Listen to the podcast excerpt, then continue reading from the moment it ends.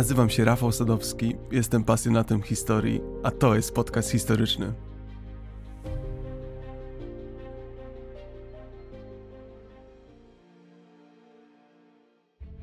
To opowieść wielkiej skali. Skali tak wielkiej, że zainspirowała samego Williama Shakespeare'a do napisania jednej ze swoich najsłynniejszych sztuk. To opowieść o człowieku, który historii znany będzie jako Juliusz Cezar. Juliusz Cezar był człowiekiem wielu ogromnych talentów. Był jednym z najlepszych generałów wojskowych wszechczasów, ale był także uzdolnionym mówcą i pisarzem, a wiele z tego, co wiemy o nim i jego kampaniach wojennych, pochodzi z jego własnych, bezpośrednich i barwnych relacji, spisywanych bezpośrednio na miejscu bitwy. Juliusz Cezar był niemalże przeznaczony do objęcia roli przywódcy i męża stanu. Jego nastawione na efekt podejście wystrzeliło go na polityczny szczyt Republiki Rzymskiej. Cezar był znany nie tylko pod względem umiejętności, ale także temperamentu. Choć był zdolny do bezwzględnej brutalności, częściej niż rzadziej decydował się na miłosierdzie i ułaskawianie swoich przeciwników. Do tego stopnia był łaskawy, że niektórzy jego przyszli zabójcy, zanim wreszcie podnieśli na jego rękę, byli kiedyś z jego własnej ręki ułaskawiani. To właśnie Cezar jest pomostem pomiędzy Republiką Rzymską a cesarstwem. Aby jednak do tego mogło dojść, Republika Rzymska musiała zacząć się sypać. I faktycznie, od II wieku przed naszą erą, ziarnko po ziarnku, dziedzictwo Romulusa i Remusa przeżywało coraz większy kryzys. Jak do tego doszło? Jaki los czekał Rzym? O tym wszystkim już za chwilę. Oto wracamy bowiem do Rzymu, aby poznać jego dalsze, fascynujące losy. Zaczynamy. Podcast historyczny powstaje dzięki Waszemu wsparciu. Dlatego ogromnie dziękuję każdemu patronowi. Dzięki Wam mogę robić to, co kocham. Opowiadać o historiach, o których zawsze sam chciałem słuchać. Z tego miejsca szczególnie dziękuję patronom mecenasom. Michał, Alina, Grzegorz, Agnieszka, Tomasz, Przemek, Łukasz, Patryk, Kamila, Adam, Adrian, Van An, Monika, Jeremiasz, Karol, Paweł, Bartłomiej, Ewa, Wojtek, Franciszek, Nidal, Dorota, Daniel, Krzysztof, Konrad, Katarzyna i Sabina. Stokrotne dzięki za Wasze bardzo znaczące wsparcie. Nasz ostatni odcinek o Rzymie zakończyliśmy w 71 roku przed naszą erą, na upadku powstania Spartakusa. To było niesamowicie znaczące wydarzenie, ale w jego tle działo się wówczas dużo więcej. Był to bowiem czas, gdy Republika Rzymska zaczęła trzeszczeć w posadach. Dlaczego? Pamiętacie zapewne, że Rzym przeszedł długą drogę, od monarchii aż po republikę. Ta ewolucja stanowi powód do dumy ówczesnych Rzymian. Rzym za czasów republiki wydawał się być niezwyciężony. Jednak są również jej ciemne strony. Za wielką ambicją i pewnością siebie stał szereg patologii politycznych. Szerzący się nepotyzm, korupcja były wszechogarniające.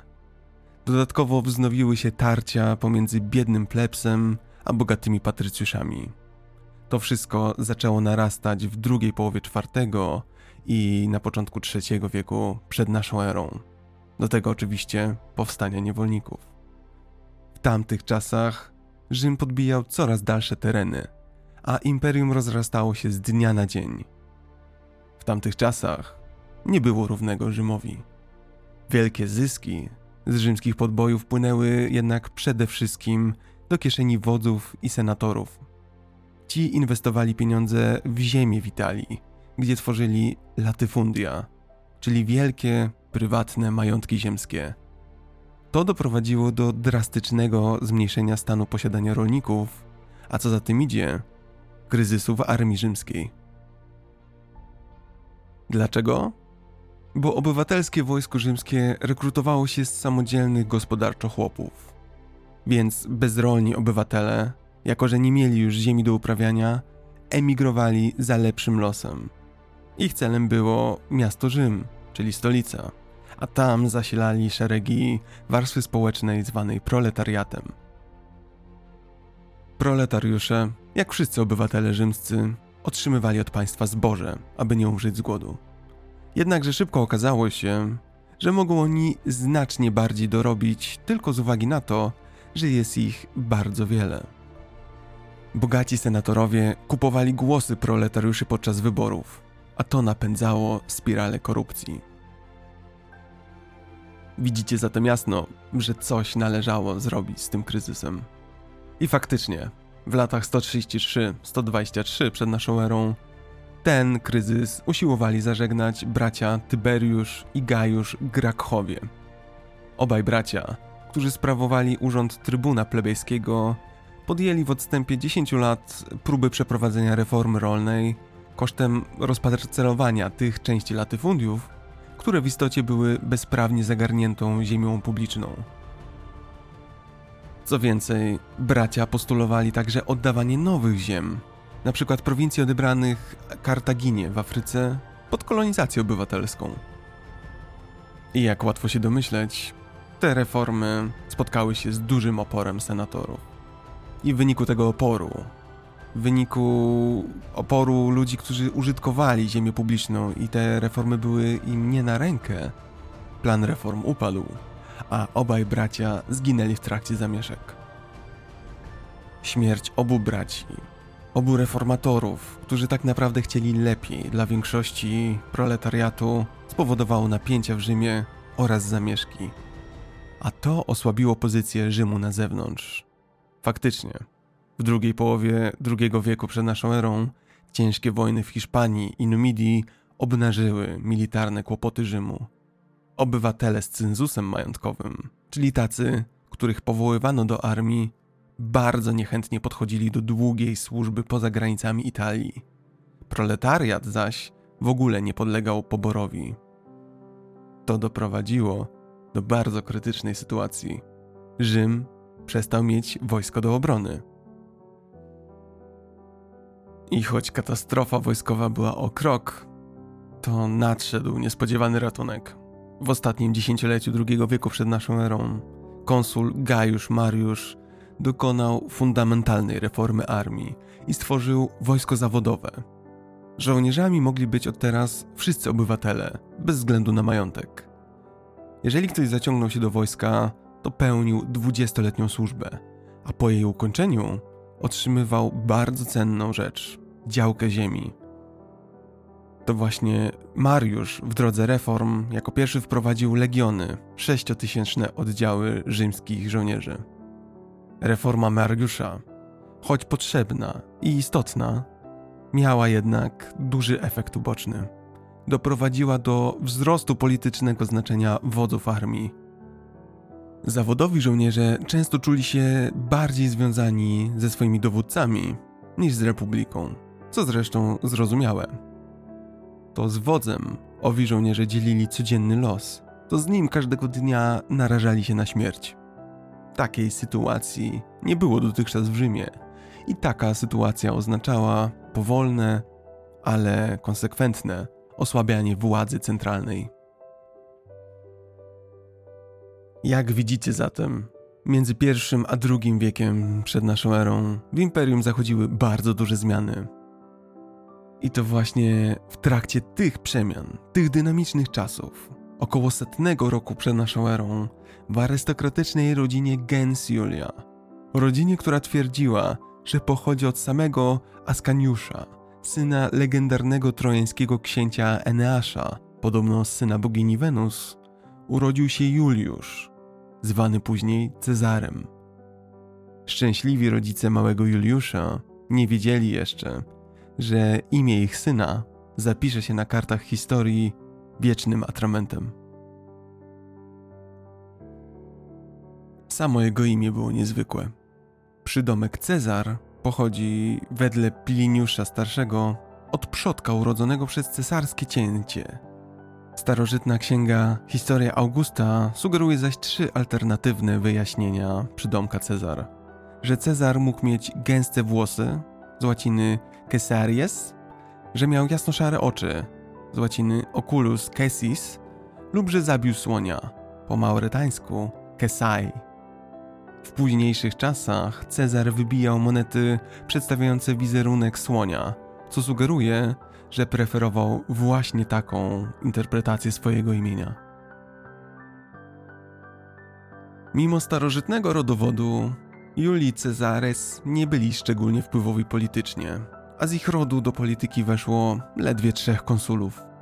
A przecież w Republice Rzymskiej to właśnie tak oceniano, czy dany ród był wpływowy, czy też nie. Ojciec Cezara, zwany także Gajuszem Juliuszem Cezarem, osiągnął rangę pretora, drugiego najwyższego urzędnika lekcyjnego republiki i rządził prowincją Azją, być może dzięki wpływom swojego wybitnego szwagra Gajusza Mariusza. Niewiele napisano o dzieciństwie Cezara. Jego biografie pisane przez Swetoniusza i Plutarcha zaczynają się nagle, gdy Cezar był już nastolatkiem. Pierwsze akapity tych biografii wydają się być utracone na wieki. Tak naprawdę trudno nam stwierdzić, czy ktoś celowo w nich majstrował, czy faktycznie to los sprawił, że tak niewiele wiemy o pierwszych latach życia Cezara. Wiemy mniej więcej za to, jak wyglądał. Swetoniusz, opisując wygląd Cezara, pisze: Wysokiego wzrostu mąż, o jasnej karnacji, kształtnych kończynach, nieco pełnej twarzy i bystrych, szarych oczach. Tak też przedstawiano Cezara na rzeźbach. Wiemy jeszcze jedno. Na podstawie zapisków Plutarcha czasem uważa się, że Cezar cierpiał na epilepsję. Faktycznie, historycznie Cezar miał cztery udokumentowane epizody, które mogły być, sądząc po opisach objawów, napadami padaczki. Współczesna nauka jest mocno podzielona na ten temat, a niektórzy uczeni uważają, że to nie była epilepsja, lecz objawy malarii. Inni badacze twierdzą, że napady padaczkowe mogły być w ówczesnym Rzymie spowodowane pasożytniczą infekcją mózgu przez tasiemca. Rozumiecie sami, że medycyna 20 wieków temu nie była tak rozwinięta jak obecnie, zatem i schorzenia Juliusza Cezara pozostaną w sferze domysłów. Cezar, jak wspomniałem, urodził się w bardzo dynamicznych czasach dla Republiki Rzymskiej. Te lata były czasem zamieszania i dzikiego rozlewu krwi. Były ku temu dwie przyczyny. Po pierwsze, tak zwana wojna Rzymu ze sprzymierzeńcami, czyli bellum sociale, która toczyła się w latach 91-88 między Rzymem a włoskimi sojusznikami, a jej powodem było obywatelstwo rzymskie. Drugą przyczyną niestabilności zaś, krótko po urodzeniu Cezara, były wojny z Mitrydadesem, który to zagrażał wschodnim prowincjom Rzymu. Pierwsza z tych przyczyn, czyli Bellum Sociale, to jedne z najbardziej krwawych walk w dziejach Rzymu. Walki, w których przegrana mogła oznaczać unicestwienie imperium. Dlaczego? Otóż podbój Italii przez Rzymian 200 lat wcześniej, w ciągu IV i III wieku, zaowocował licznymi sojuszami, których warunki zależały od tego, czy zawarte zostały dobrowolnie, czy też sprzymierzeńcy zostali do nich zmuszeni przez porażkę w wojnie. Sprzymierzeńcy, choć obciążeni obowiązkiem pomocy wojskowej, nie mieli jednak obywatelstwa rzymskiego, bardzo cennej rzeczy. Rzym kontrolował również całkowicie politykę zagraniczną tych sprzymierzeńców. Zabraniał im posiadania innych sojuszników poza samym Rzymem. To już jest mocno niesprawiedliwe, ale dochodził do tego wszystkiego jeszcze jeden aspekt. Wszystkie projekty rolne, o których wspominałem przed chwilą, nie uwzględniały w podziale ziemi Italików, przewidując działki jedynie obywatelom rzymskim. Doprowadziło to do gwałtownego sprzeciwu Italików, czyli sprzymierzeńców, którzy pragnęli uzyskania obywatelstwa rzymskiego, a zarazem pełni praw politycznych.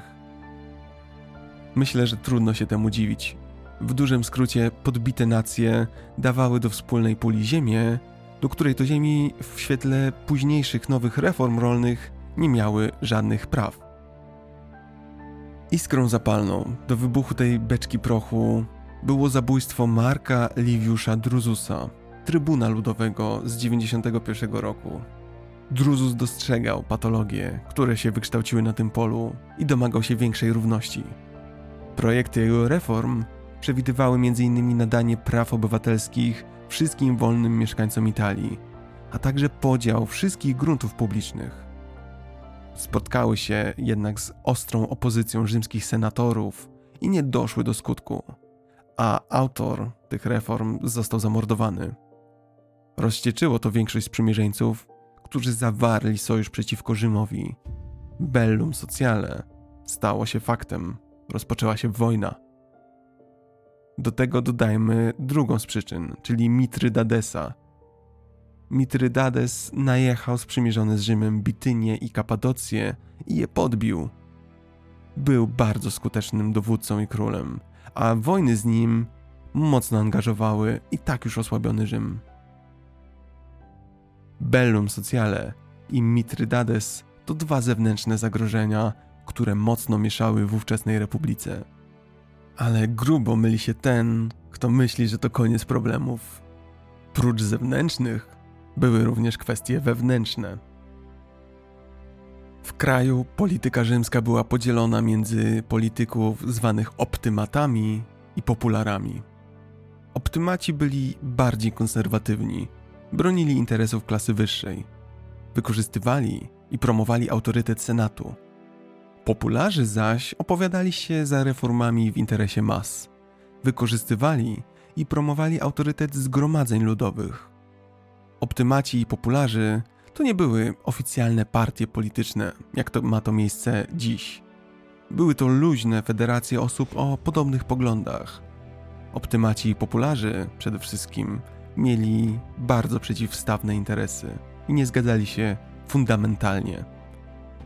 Wuj Cezara, Gajusz Mariusz, był popularem, czyli ludowcem, a protegowany Mariusza, Lucjusz Corneliusz Sulla, wywodził się z optymatów, czyli konserwatystów.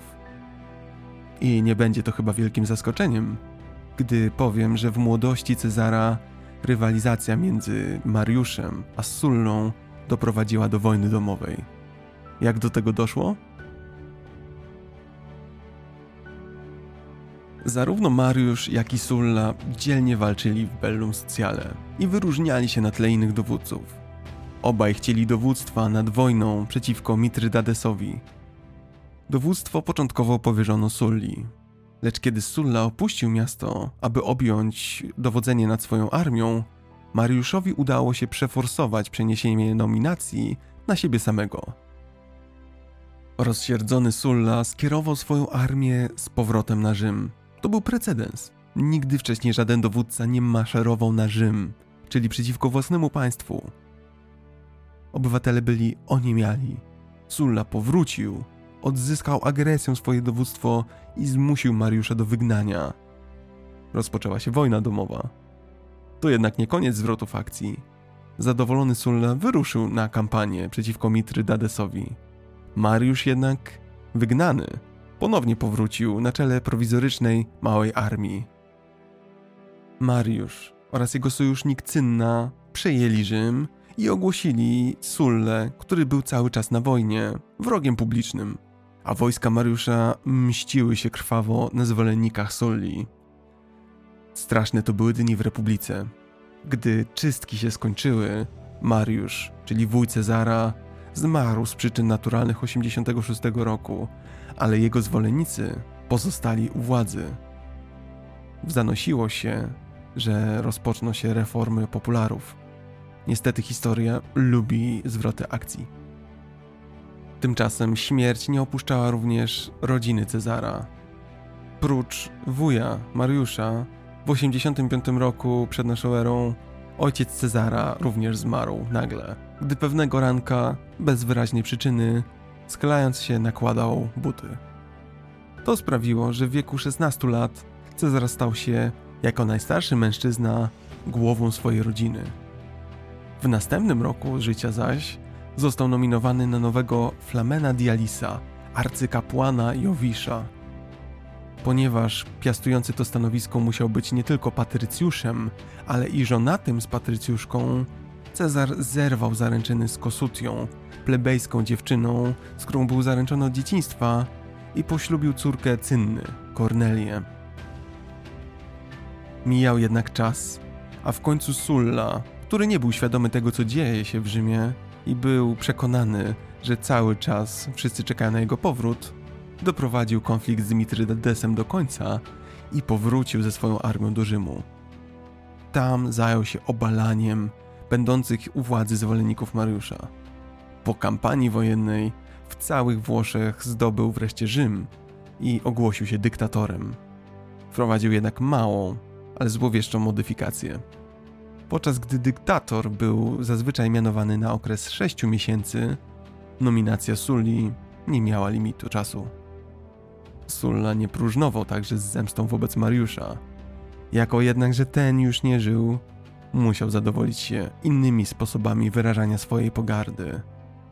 Na rozkaz Sulli wszystkie posągi Mariusza zostały zniszczone, a ciało Mariusza ekshumowano z grobu i wrzucono do Tybru.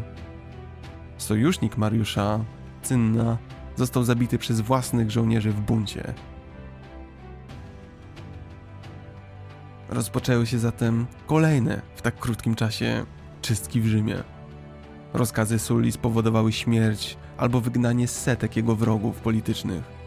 Prześladowania dotykały każdego, kto choć w najmniejszym stopniu był powiązany z Mariuszem albo popularami. Cezar, który był siostrzeńcem Mariusza i zięciem cynny, stał się oczywistym celem. Został pozbawiony swojego dziedzictwa, posagu żony i statusu kapłana. Rozkazano mu także rozwieść się z Kornelią, córką cynny. Tego jednak Cezar odmówił. Za ową odmowę groziła kara śmierci, ale wtedy zainterweniowała rodzina matki Cezara oraz kapłanki Westy. Pod wpływem tego naporu rodowego i religijnego Sulla zaniechał zabijania Cezara. Powiedział jednak, że to ogromny błąd i że w jednym Cezarze jest wielu Mariuszy. Znamienne słowa, gdy spojrzymy na to, co historia niosła dalej. Cezar był zatem bezpieczny, ale daleko było mu do spokoju. Obawiał się, że Sulla zmieni zdanie i że pod byle jakim pozorem pozbędzie się go w późniejszym czasie. Dlatego też, aby zachować bezpieczeństwo, opuścił Rzym i wstąpił do armii, służąc w Azji. Utrata statusu kapłana pozwoliła mu bowiem rozpocząć karierę wojskową. Zgodnie bowiem z prawem rzymskim, rzymskim kapłanom nie wolno było, cytuję, dotykać konia, spać więcej niż trzy noce poza własnym łóżkiem, ani jednej nocy poza Rzymem, ani nawet spoglądać na żołnierzy. Podczas tej pierwszej w życiu Cezara służby wojskowej stało się jasne, że Cezar był bardzo dobrym wojskowym. To dla Cezara również było zaskoczeniem, ale choć jeszcze do niedawna był kapłanem, teraz doskonale spełniał się w boju i w taktyce wojskowej. Służył z wyróżnieniem, zdobywając nawet za udział w oblężeniu Mityleny korona civica, jedno z wojskowych odznaczeń starożytnego Rzymu w postaci wieńca z liści dębowych. Korona civica przyznawano żołnierzowi, który podczas walki ocalił życie obywatelowi Rzymu. Warunkiem też było zgładzenie w walce przynajmniej dwóch wrogów, utrzymanie pozycji i nie cofnięcie się ani o krok. Te wszystkie warunki Cezar spełnił pod Mityleną właśnie. Prócz zdolności wojskowych, Cezar ćwiczył też dyplomację taktyczną. Podczas misji w Bitynii, w Azji Mniejszej, aby zapewnić pomoc flocie, spędził na negocjacjach i pertraktacjach tak wiele czasu na dworze króla Nikomedesa, że pojawiły się plotki o jego romansie z tym królem. Minął rok. Gdy Cezar szkolił się w sztuce wojennej, w 79 roku przed naszą erą Sulla, po oczyszczeniu Rzymu z resztek zwolenników Mariusza, osiągnął wreszcie swój cel. Spokojny, zrezygnował z dyktatury, przywrócił rząd konsularny i po spełnieniu z funkcji konsula w 80 roku przeszedł na zasłużoną emeryturę. Zmarł dwa lata później, a po jego śmierci optymaci dalej byli u władzy. Rzymska Republika, tak jak przyroda, nie lubiła próżni. Śmierć Suli rozpoczęła nowy okres walki o władzę. Słysząc o jego śmierci, Cezar poczuł się na tyle bezpieczny, by zdecydować o powrocie do Rzymu. Nie miał jednak majątku, ponieważ jego dziedzictwo zostało poprzednio przez Sulle skonfiskowane. Dlatego zamieszkał w bardzo skromnym domu w Suburze, niższej dzielnicy Rzymu. Choć w sferze marzeń cały czas myślał o tym, jak odebrać władzę optymatom i zmienić Rzym tak, by był lepszy dla więcej niż nielicznych jego mieszkańców. Powrót Cezara zbiegł się w czasie z próbą zamachu stanu przez Marka Emiliusza Lepidusa. Cezar jednak świadomie nie zdecydował się wziąć w nim udziału, choć popierał ten powód. Zdawał sobie bowiem sprawę, że jest jeszcze za wcześnie na przejęcie władzy od optymatów. Zamach, zgodnie z jego przewidywaniem, nie udał się. Optymaci byli bowiem dominującym stronnictwem politycznym. Skupiali w swoim gronie większość liczących się przywódców. Zamach zatem po prostu nie miał poparcia. Zamiast tego Cezar zaczął stosować coś, co stało się jego znakiem rozpoznawczym. Coś, co dziś nazwalibyśmy lobbyingiem. Zaczął wygłaszać i szlifować swoje wspaniałe przemówienia. Przemówienia, którym towarzyszyły gesty, zmieniana modulacja głosu. Cezar głośno wzywał do ścigania skorumpowanych urzędników. Głośno wzywał do zmian. Nawet Cyceron wspominał. Czy jakikolwiek mówca dziś piastuje wyższą pozycję niż Cezar? I faktycznie Cezar z dnia na dzień dostrzegał, że ludzie chcą go słuchać, a jego słowo staje się bardzo potężną bronią. Po niedługim czasie, dążąc do retorycznej perfekcji, Cezar postanowił ponownie opuścić Rzym i udać się na Rodos w 75 roku przed naszą erą. Tam zamierzał studiować retorykę i szlifować elokwencję pod okiem wielkiego mówcy Apoloniusza Molona. Cezar wiedział bowiem, że jego słowa, jego język to jego najpotężniejsza broń. I miał rację. Los szykował jednak niespodziankę. W drodze przez morze, podczas podróży na Rodos, Cezar został porwany przez piratów i uwięziony na wysepce do Dekanezu. Myślę sobie, że życie Cezara nawet do tego momentu starczyłoby na kilka rasowych opowieści przygodowych. A przecież to dopiero sam początek. Cezar przetrzymywany był w niewoli przez okres 38 dni. Przez całą niewolę zachowywał postawę wyższości wobec swoich porywaczy. Co więcej, brał udział w negocjacjach swoich oprawców, ćwiczył razem z nimi i nawet strofował, uciszał swoich porywaczy, gdy byli zbyt głośno. Jego jedynym personelem w tamtym czasie było jego dwóch opiekunów i lekarz. Resztę odesłano, aby zażądali w Rzymie okupu. W czasie niewoli Cezar pisał wiersze i ćwiczył swoje wystąpienia publiczne. Czytał swoją prozę na głos piratom, a nawet wyzywał ich od niepiśmiennych barbarzyńców, jeśli jego praca nie była przez nich doceniana.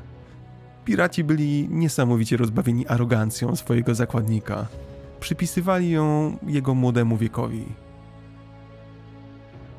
Mało tego, kiedy piraci zażądali okupu w postaci 20 talentów złota, Cezar uparł się, że powinni byli zażądać co najmniej 50. Piraci znowu go wyśmiali. Cezar zapamiętał te zniewagi. Gdy okup wreszcie zapłacono, a niewola się zakończyła, Cezar zebrał flotę, wrócił na wyspę, schwytał piratów i ich uwięził. Marek Junctus, gubernator Azji, odmówił ich egzekucji, tak jak żądał Cezar, wolał ich bowiem sprzedać jako niewolników. Ale wobec tego Cezar powrócił na wysepkę i kazał ukrzyżować piratów, tak jak im obiecał w niewoli. Obietnicę, którą piraci uznawali wówczas za kolejny arogancki żart. Zapamiętajcie ten epizod. Cezar bowiem był bardzo pamiętliwy, choć tego często nie okazywał. Po tych wszystkich przygodach Cezar powrócił do Rzymu. Historie, jakie ze sobą przywiózł, zaskakiwały, oszałamiały i rozpalały wyobraźnię. Cezar potrafił je dobrze opowiedzieć. Rozpoczynała się to też prawdziwa kariera Cezara na szczeblach polityki. Krótko po powrocie został wybrany trybunem wojskowym.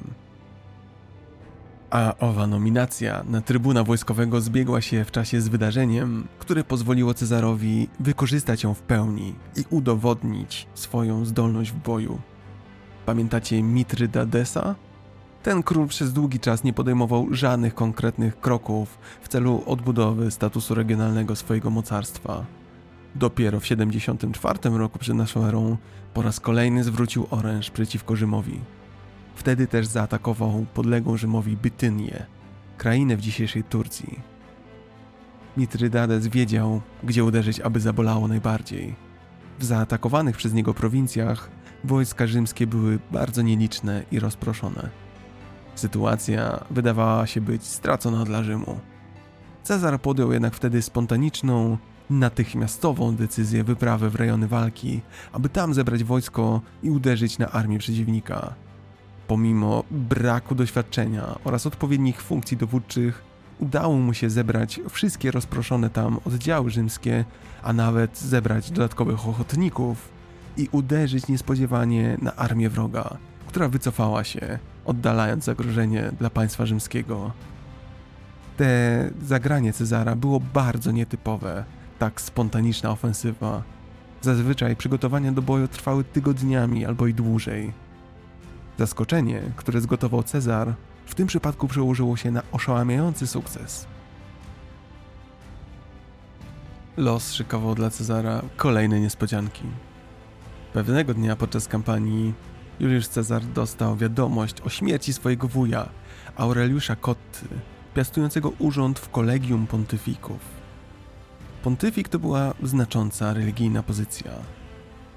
Był to członek najwyższego kolegium kapłanów. Kolegium, które czuwało nad formalną stroną kultu religijnego i związanych z nimi aktów państwowych. Pontyficy sporządzali kalendarzy, wyznaczali daty świąt i terminy procesowe. W skład kolegium wchodzili m.in. Flamenowie i Westalki. Kolegium pontyfików przewodniczył zaś Pontifex Maximus, najwyższy kapłan. Z łanciny Pontifex znaczy budowniczy mostów i faktycznie pontyfikowie mieli budować mosty, łączyć to, co ziemskie z tym, co boskie. Dlaczego to takie ważne? Otóż od czasów oświecenia powszechne jest, aby rozdzielać urzędy świeckie i kościelne. Ale starożytny Rzym to zupełnie inna, dużo starsza historia. Urząd pontyfika wówczas dawał poprzez pieczę nad sprawami religijnymi duży wpływ na politykę. Cezara poinformowano, że to właśnie on ma zastąpić swojego krewnego w roli pontyfika. Cezar długo się nie zastanawiał. Jego apetyt polityczny był już rozbudzony przyjął propozycję, a rok 73 przed naszą erą to rok, który uważany jest za początek dojrzałej kariery politycznej Cezara. Kariera Cezara zaczynała nabierać rozpędu.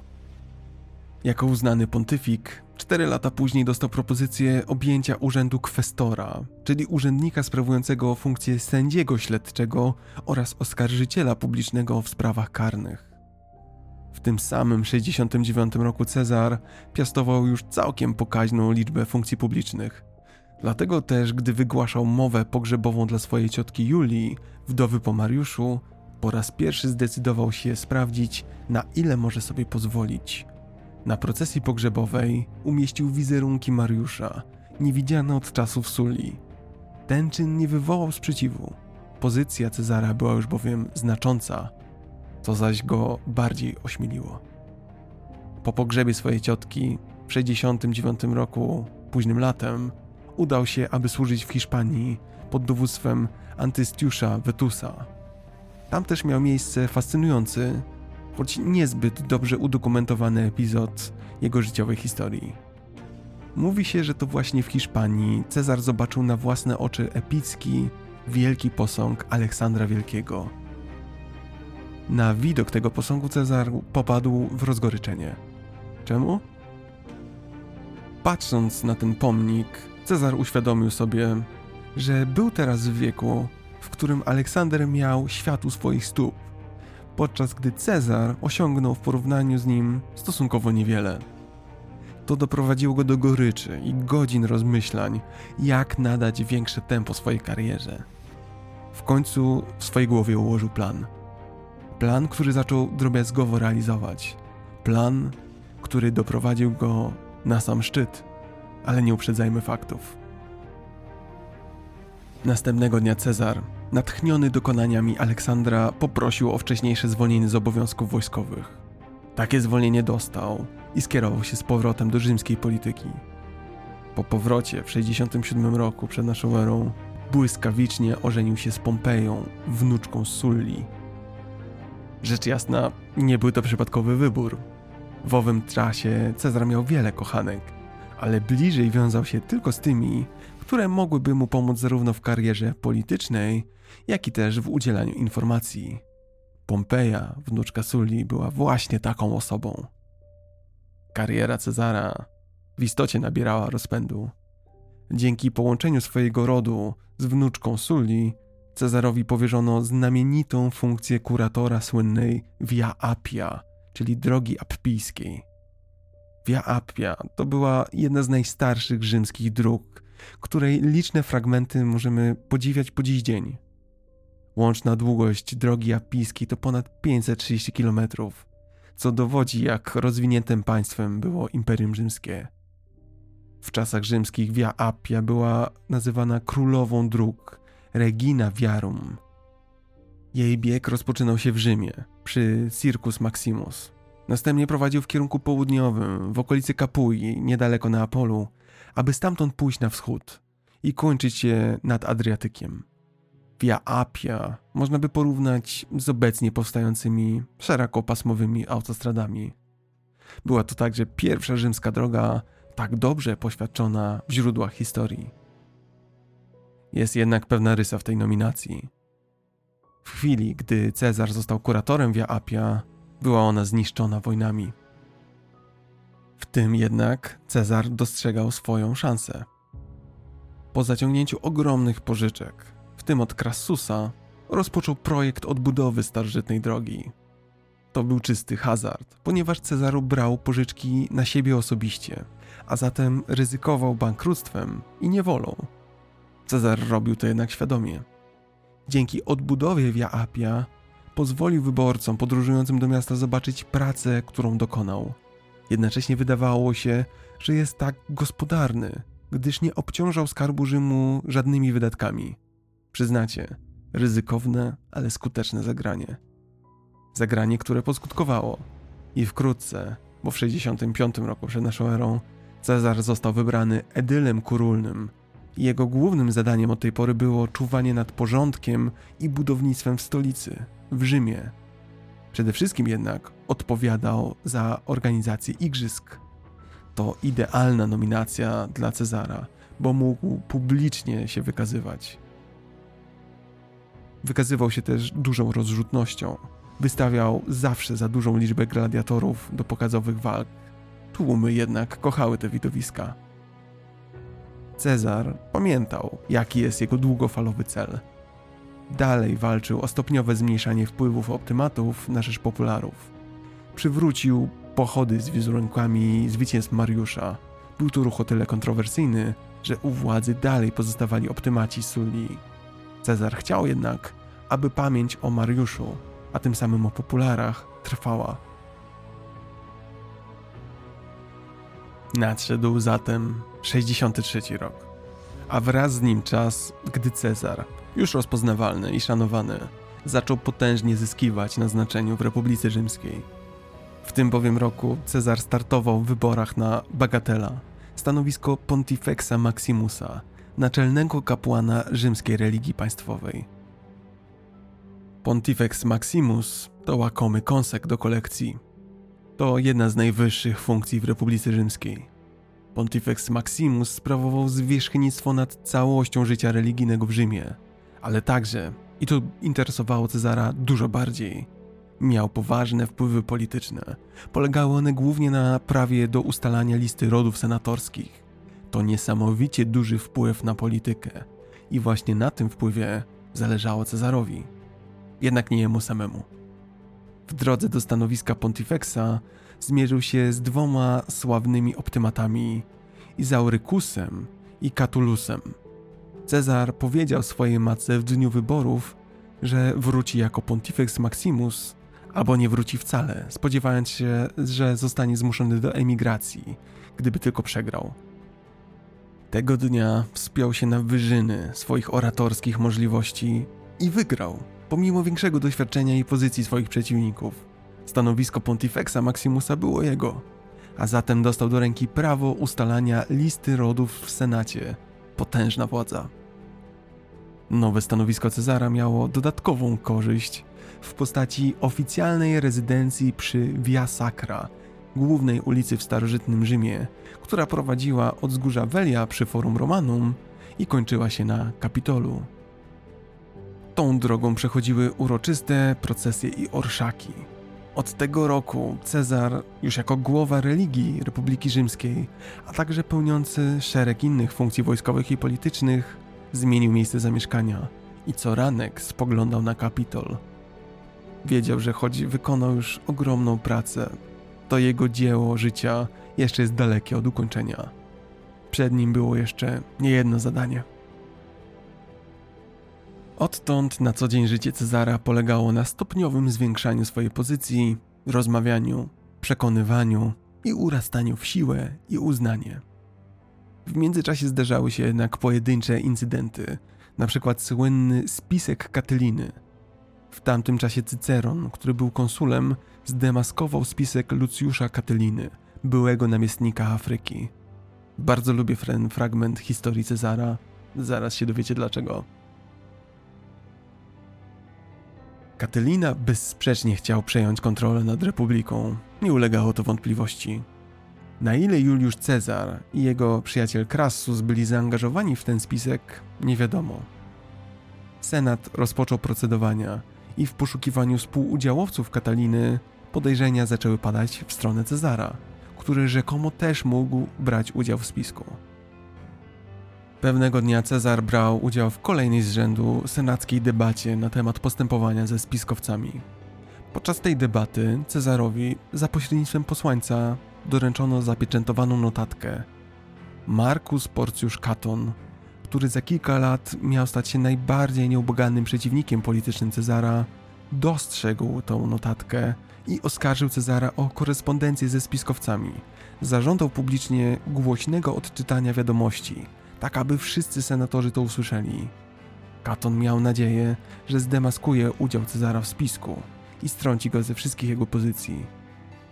Uśmiechając się złowieszczo, Cezar faktycznie rozpoczął czytanie na głos notatki, która to żenująco dla Katona okazała się być listem miłosnym od przyrodniej siostry Katona, Serwili. Po upokorzeniu Katona, Cezar powrócił do sedna sprawy. Argumentował przeciwko karze śmierci dla spiskowców. Proponował zamiast tego dożywocie. Jednakże przemówienie Katona okazało się decydujące i spiskowcy zostali straceni. Cezar szczerze wierzył, że karanie śmiercią bez sądu, zwłaszcza ludzi znanych, zasłużonych dla państwa i ze znamienitych rodów, byłoby głęboko niesprawiedliwe i niezgodne z rzymskimi zwyczajami. Wiedział jednak, że jeżeli tylko będzie wnosił o uniewinnienie pojmanych, byłoby to oczywistym dowodem jego powiązania ze spiskiem. Podobnie jego ewentualna zgoda na karę śmierci mogłaby być odebrana jako próba sztucznego odcięcia się od spiskowców poprzez stracenie świadków jego ewentualnej współpracy. I właśnie dlatego bardzo lubię ten przykład, bo dobrze widać w nim, w jaki sposób myślał Cezar, jak w głowie rozrysowywał różne scenariusze i ostrożnie ważył, co najbardziej się opłaca długofalowo. Skoro poruszyliśmy temat polityczny, to dla równowagi chciałbym Wam też opowiedzieć o jednym mniej znanym, a również ciekawym i obyczajowym epizodzie z tamtego okresu życia Cezara. W 62 roku przed naszą erą jego udziałem stał się skandal związany z boginią Bonadea. Bonadea, czyli z łaciny dobra bogini, było to rzymskie bóstwo kobiece, związana z płodnością bogini matka. Rzymianie identyfikowali ją z postacią Fauny, żony Faunusa. Co roku na początku grudnia u stóp Awentynu obchodzono poświęcone jej święto. Miało ono charakter tajemnych misteriów, w których mogły uczestniczyć wyłącznie kobiety. Owego 62 roku święto Bonadea odbyło się w domu z Publicus, rezydencji cesara jako Pontifexa Maximusa. Żadnym mężczyznom nie wolno było uczestniczyć w tych obchodach, ale młody patrycjusz o nazwisku Publius Claudius Pulcher zdołał uzyskać wstęp, przebierając się za kobietę. Zrobił to, aby w ten szczególny dzień, jako jedyny mężczyzna uwieść Pompeję, żonę Cezara, jednocześnie Pontifexa Maximusa. Pulcher został złapany i oskarżono o świętokradztwo. W tej sytuacji Cezar ponownie musiał wyważyć, co mu się bardziej opłaca. Z jednej strony został publicznie upokorzony, z drugiej strony Claudiusz Pulcher należał do znamienitego rodu patrycjuszowskiego w Rzymie. Cezar zatem, po długich rozterkach, zdecydował się nie przedstawiać żadnych dowodów przeciwko Claudiuszowi Pulcherowi na swoim procesie. Nie chciał bowiem urażać owego rodu patrycjuszowskiego. To jednak nie wszystko. Cezar rozwiódł się z ośmieszoną publicznie Pompeją. Powiedział bowiem, że żona Cezara musi być poza wszelkimi podejrzeniami o jakąkolwiek nieczystość. Ponownie zatem cel Cezara uświęcił środki. Minęło kilka lat. W 61 roku, po zakończeniu funkcji pretora, Cezar został wyznaczony do rządzenia Hispania Ultertior, czyli Hiszpanią dalszą, tym razem jako namiestnik. Wciąż był jednak zadłużony i musiał w jakiś sposób zaspokoić swoich wierzycieli, zanim mógłby odejść na służbę. Zwrócił się zatem do Marka Licyniusza Crassusa, jednego z najbogatszych ludzi w Rzymie. W zamian za poparcie Crassusa przeciwko Pompejuszowi, Crassus spłacił część długów Cezara, a inne poręczył. W tejże Hiszpanii Cezar podjął na własną rękę akcję zbrojną przeciwko niepodbitym dotąd plemionom górskim. Początkowo Cezar zajmował większość wsi, jednak gdy uciekająca ludność schroniła się na pobliskiej wysepce, Cezar podjął jedną z pierwszych w swojej karierze wojskowej błędnych, a w rezultacie fatalnych decyzji. Rozkazał zbudować tratwy, na których żołnierze mieli się przedostać na ową wyspę.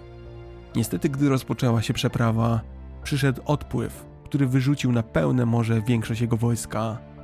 Co gorsza, ci, którzy jakoś dotarli do brzegu, spotykali się z zaciętym oporem. Z całej kampanii uratował się tylko jeden żołnierz, który wrócił w pław. Dopiero po tygodniu do Hiszpanii przybyły z Gades okręty, na których Rzymianie przedostali się na wyspę i wybili wygłodzonych uciekinierów. Następnie Cezar popłynął w kierunku miasta Brigancium, które to poddało się już bez walki. Ogólnie zatem kampania hiszpańska została przyjęta pozytywnie. Imperium dzięki Cezarowi uzyskało duże terytoria. Do tego stopnia Cezar pozytywnie przedstawiał swoje osiągnięcia, że nawet pomimo tej jednej, dość brutalnej porażki, w uznaniu swoich zasług, Cezar został uznany za imperatora.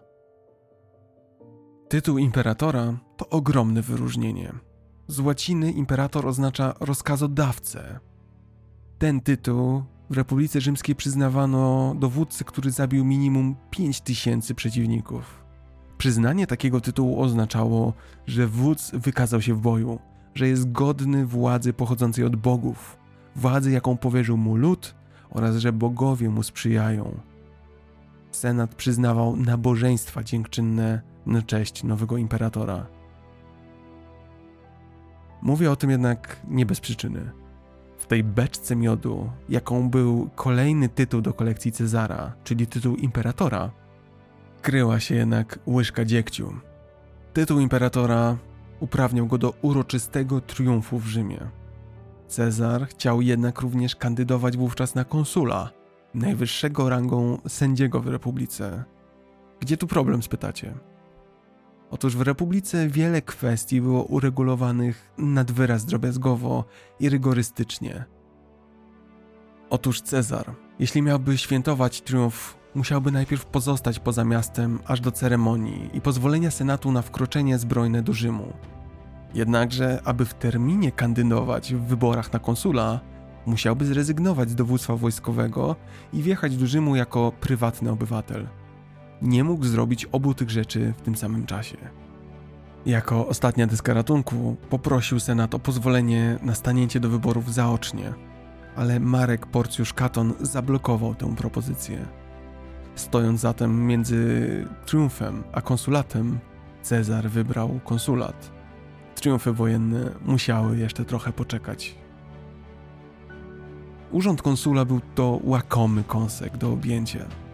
Konsul w starożytnym Rzymie był jednym z dwóch najwyższych rangą urzędników wybieranych na roczną kadencję.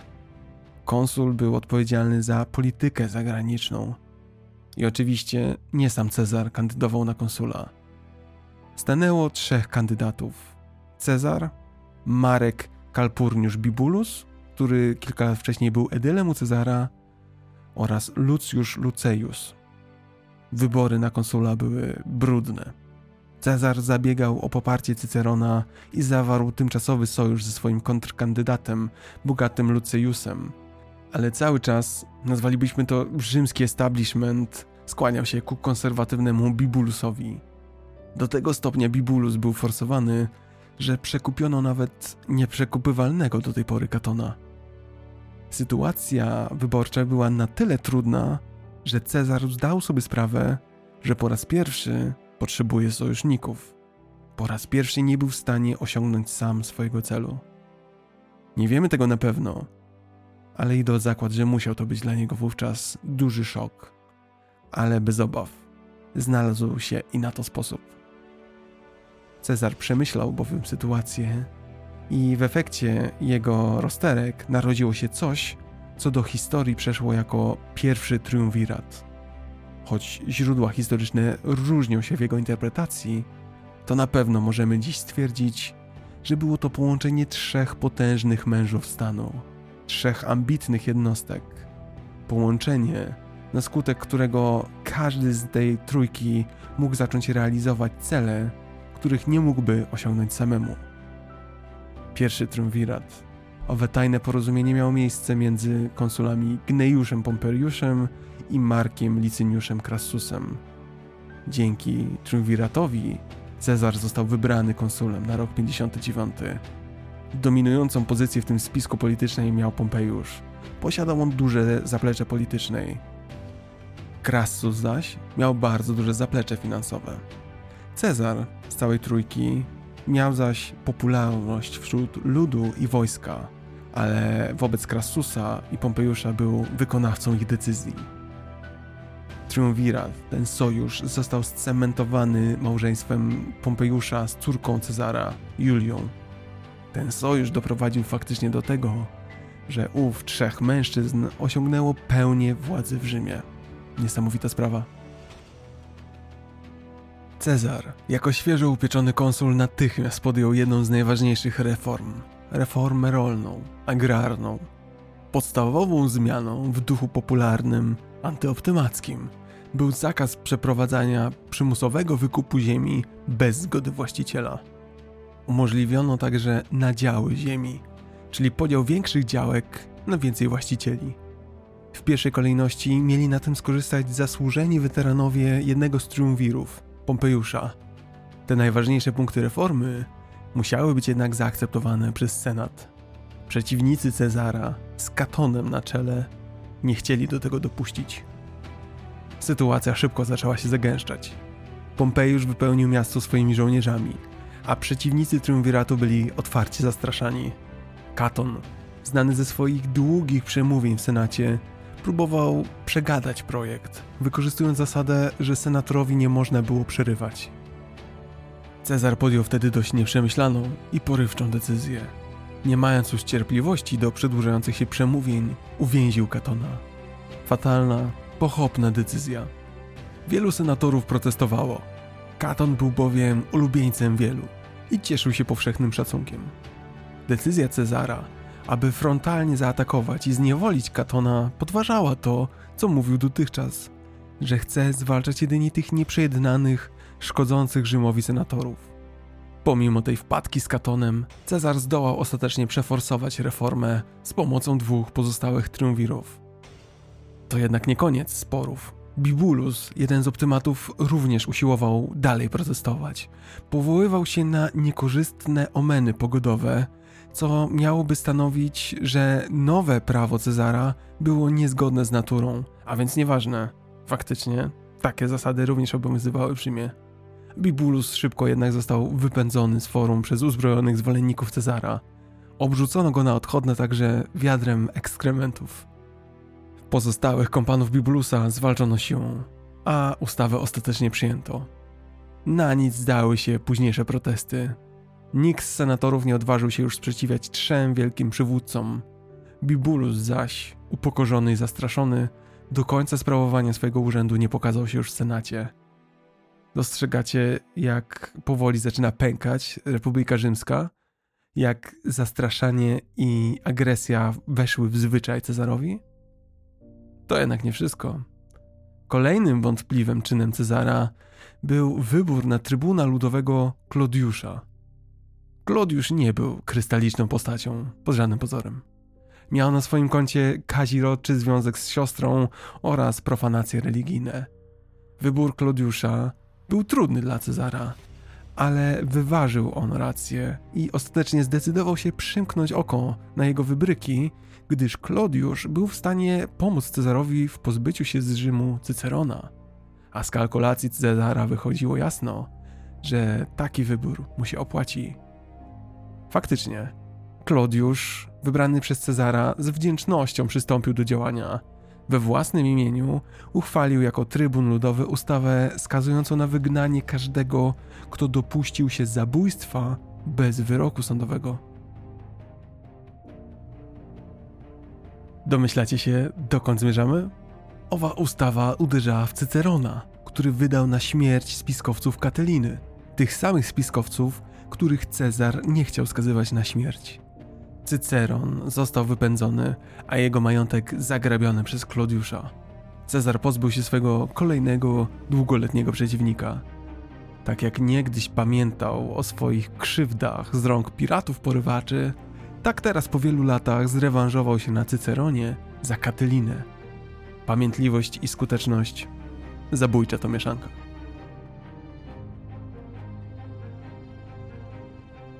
Podsumujmy zatem. Od 59 roku przed naszą erą Republika Rzymska coraz bardziej trzeszczała w posadach. Wiadomo było, że rządzi trójka polityków, którym nikt nie ośmiela się sprzeciwić. Senat świecił pustkami, ale Cezarowi nie przeszkadzało to w uchwalaniu kolejnych i kolejnych ustaw. Każda z nich była legalna, gdyż żadnej z nich nie sprzeciwiał się Senat. Nie sprzeciwiał się im zaś dlatego, że brak było ku temu odważnych jednostek. Każdy opór groził bowiem realnym zatraceniem majątku, czci albo nawet życia. Wkrótce zatem Cezar uznał, że pora ponownie opuścić Rzym i sprawdzić się w boju. Przyznał zatem sobie na pięć lat namiestnictwo w Galii. Galia kusiła Cezara możliwościami prowadzenia tak potrzebnych mu kampanii wojennych i zdobywania pieniędzy. Ale właściwie po co w tym momencie Cezarowi pieniądze? Wydawać by się mogło, że Cezar musiał być już wówczas tak bardzo bogaty, przecież miał tyle tytułów przy sobie. W istocie jednak wciąż był głęboko zadłużony. Pamiętacie bowiem, że długi zaciągał na siebie osobiście, nie na urzędy, które piastował. Ponadto jego styl uprawiania polityki, w tym ciągłe przekupstwa, był bardzo kosztowny. Na szczęście, jako gubernator prowincji, takie jak Galia, właśnie, można było zarobić pieniądze, czy to przez wymuszenia, czy po prostu przez wojskowe podboje. Cezar miał mieć w Galii pod swoim dowództwem cztery legiony. A dlaczego Galia? W tamtym czasie Galie zamieszkiwały liczne dzikie plemiona celtyckie. Od czasu klęski Hannibala Galia była obszarem ekspansji gospodarczej oraz politycznej Rzymian. Dla Rzymu sytuacja wewnętrzna w Galii była bardzo korzystna. Pomimo tego, że wszystkie plemiona zamieszkujące ten obszar posiadały wspólną kulturę i pochodzenie, to nigdy nie udało się im wytworzyć jednego organizmu państwowego. Dodatkowo galijskie plemiona prowadziły między sobą nieustające, zaciekłe walki. Zapraszam Was zatem na okres z życia Cezara zwany wojnami galijskimi. To czas krwawych, zaciętych kampanii i bitew, toczonych w latach 58-51 przed naszą erą, toczonych przez rzymskie legiony z plemionami celtyckimi zamieszkującymi właśnie Galię, czyli w przybliżeniu terytoria dzisiejszej Francji. Jako pierwszy na cel Cezar wziął Helwetów, starożytny lud celtycki. Nie zagrażali oni w sposób bezpośredni państwu rzymskiemu, jednak stanowili dobry pretekst dla Juliusza Cezara do zdobycia łupów i sławy. Na jego rozkaz legiony rzymskie rozbiły w pył 300-tysięczną armię, a ocalałych wzięto do niewoli. Następnie przyszła pora rozprawić się z plemieniem Swebów, dowodzonym przez wojowniczego Ariowista. Owe germańskie plemię również wedle Cezara stanowiło zagrożenie dla Rzymu. Cezar dowodził osobiście siłami znacznie przeważającymi technicznie i liczebnie wroga. Po kilku dniach walki Germanie rzucili się do ucieczki. Bogate łupy wpadły w ręce Cezara. Jesienią 58 roku Cezar dał odpocząć swojej armii, zasłużyła w końcu na to, i rozlokował ją na dość rozległych terytoriach. Sam zaś udał się do swojej prowincji nad Padem. Tymczasem zaś wieści o zwycięstwach Cezara wywołały powszechny zachwyt i radość w Rzymie. Ogłoszono nawet 15-dniowe święta. Cezar stopniowo zwiększał terytoria Rzymu na coraz dalszej północy. To był powód do naprawdę dużej radości. Swój drugi rok namiestnictwa w Galii Cezar rozpoczął już z dwukrotnie większą siłą militarną niż w poprzednim roku. W odpowiedzi na działania Cezara rok wcześniej, belgijskie plemiona północno-wschodniej Galii zaczęły się zbroić. Cezar potraktował to jako agresywny ruch w swoją stronę i zaczął kawałek po kawałku podbijać kolejne plemiona. Okres namiestnictwa w Galii to jednak nie tylko wojny z ludami barbarzyńskimi, to też polityka. Odpocznijmy zatem na chwilę od zgiełku wojny i siądźmy razem do politycznego stołu. Taki był też bowiem ostateczny cel Cezara: więcej władzy, więcej wpływu. I faktycznie wiosną 56 roku w mieście Lukka miał miejsce zjazd triumvirów. Można powiedzieć, że ów zjazd miał charakter nadzwyczajny, a nawet ratunkowy. W Rzymie dochodziło bowiem do waśni pomiędzy pozostałymi dwoma triumvirami, Crassusem i Pompejuszem.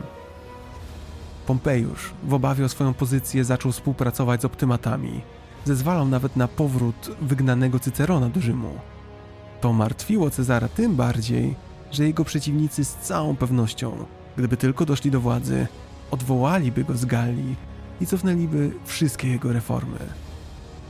Spotkanie w Lukce było żywiołowe, pełne dyskusji, nerwów, ale też podniosłych deklaracji. Ostatecznie sukces. Lukka odnowiła triumvirat i przedłużyła namiestnictwo Cezara o kolejne pięć lat. Cezar zapewnił sobie też znaczne finansowanie wyprawy.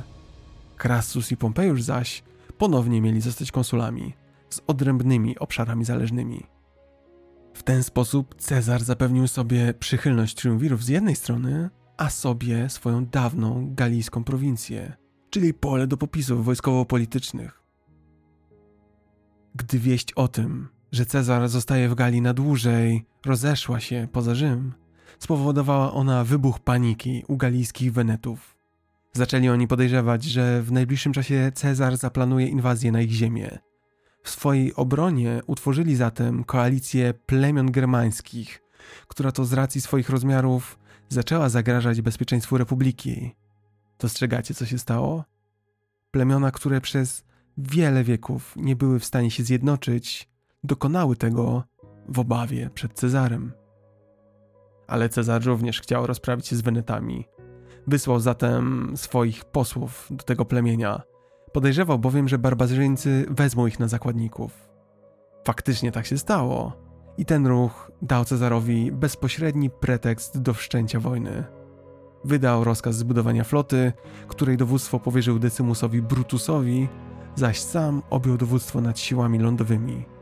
Decydujące walki odbyły się jednak na morzu. Po odniesieniu zwycięstwa Cezar zemścił się brutalnie za uwięzienie swoich posłańców. Kazał wymordować całą starszyznę wenecką. Brutalne, przerażające zagranie. Ale nie jedyne. Aby jeszcze bardziej zaakcentować swoje zdanie, zaatakował także sojuszników Wenetów. Tych, którzy nie brali nawet dotąd udziału w wojnie. Komunikat był jasny. Nie wolno jednoczyć się przeciwko Rzymowi. Kto chce, niechaj staje samotnie. Między rokiem 54-53 Cezar, rozpędzony już swoimi sukcesami, zaatakował Brytów. Tak, plemię na terenie dzisiejszej Wielkiej Brytanii. Kampania ta, choć udana, nie przyniosła jednak wielu sukcesów. Brytowie nie byli bogatym plemieniem, a straty, jakie Cezar poniósł w wyniku tych walk, zdecydowanie przerosły łupy. Jedynym sukcesem Cezara był fakt, że jemu jako pierwszemu udało się przeprawić rzymskie oddziały przez kanał La Manche oraz na długi czas skutecznie zniechęcić Brytów do ingerowania w sprawy polityczne na kontynencie. Ogólnie jednak nie był to dobry moment wojen galijskich. Straty zaczęły przerastać zyski. I jakby mało było niepotrzebnej, kosztownej kampanii na terenie Anglii, to doszły do tego problemy wewnętrzne. Triumvirat, załatany kilka lat wcześniej w Lukce, zaczął się znowu rozpadać.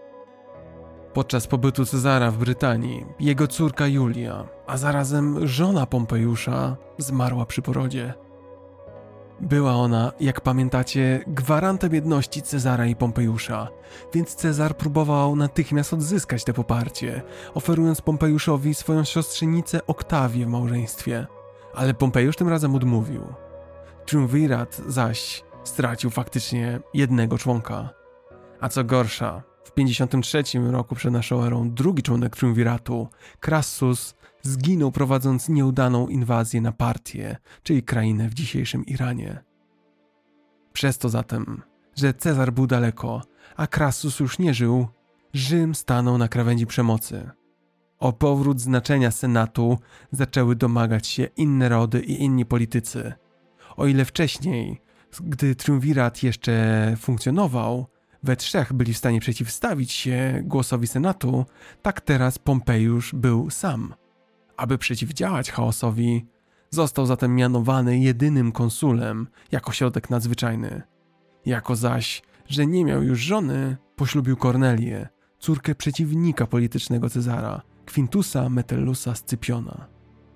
I w ten oto zagmatwany sposób, poprzez splot tych wszystkich wydarzeń, poprzez śmierć Krassusa i wyrafinowanie Pompejusza, triumvirat nagle, niespodziewanie rozpadł się.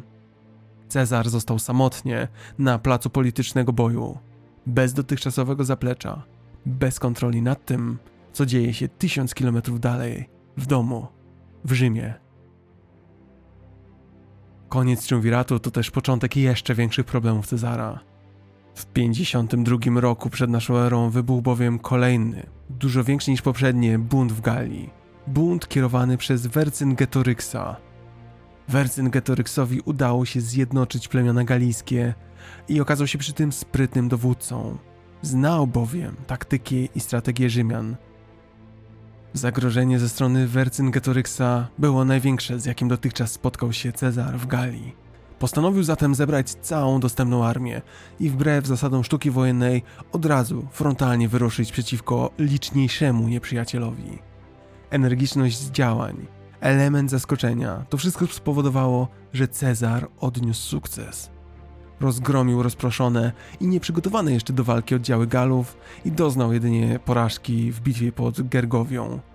Następnie oblegał doskonale bronioną twierdzę w Alezji i zdobył ją w 52 roku, biorąc do niewoli ukrywającego się w niej Wercyngetoryxa.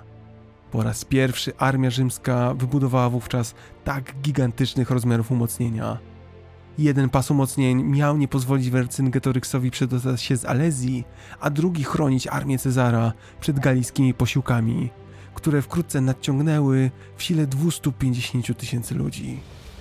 Pomimo tego, pomimo tak wielkiej przewagi liczebnej, Galom nie udało się przerwać oblężenia, a oblężeni w Alezji poddali się z powodu głodu.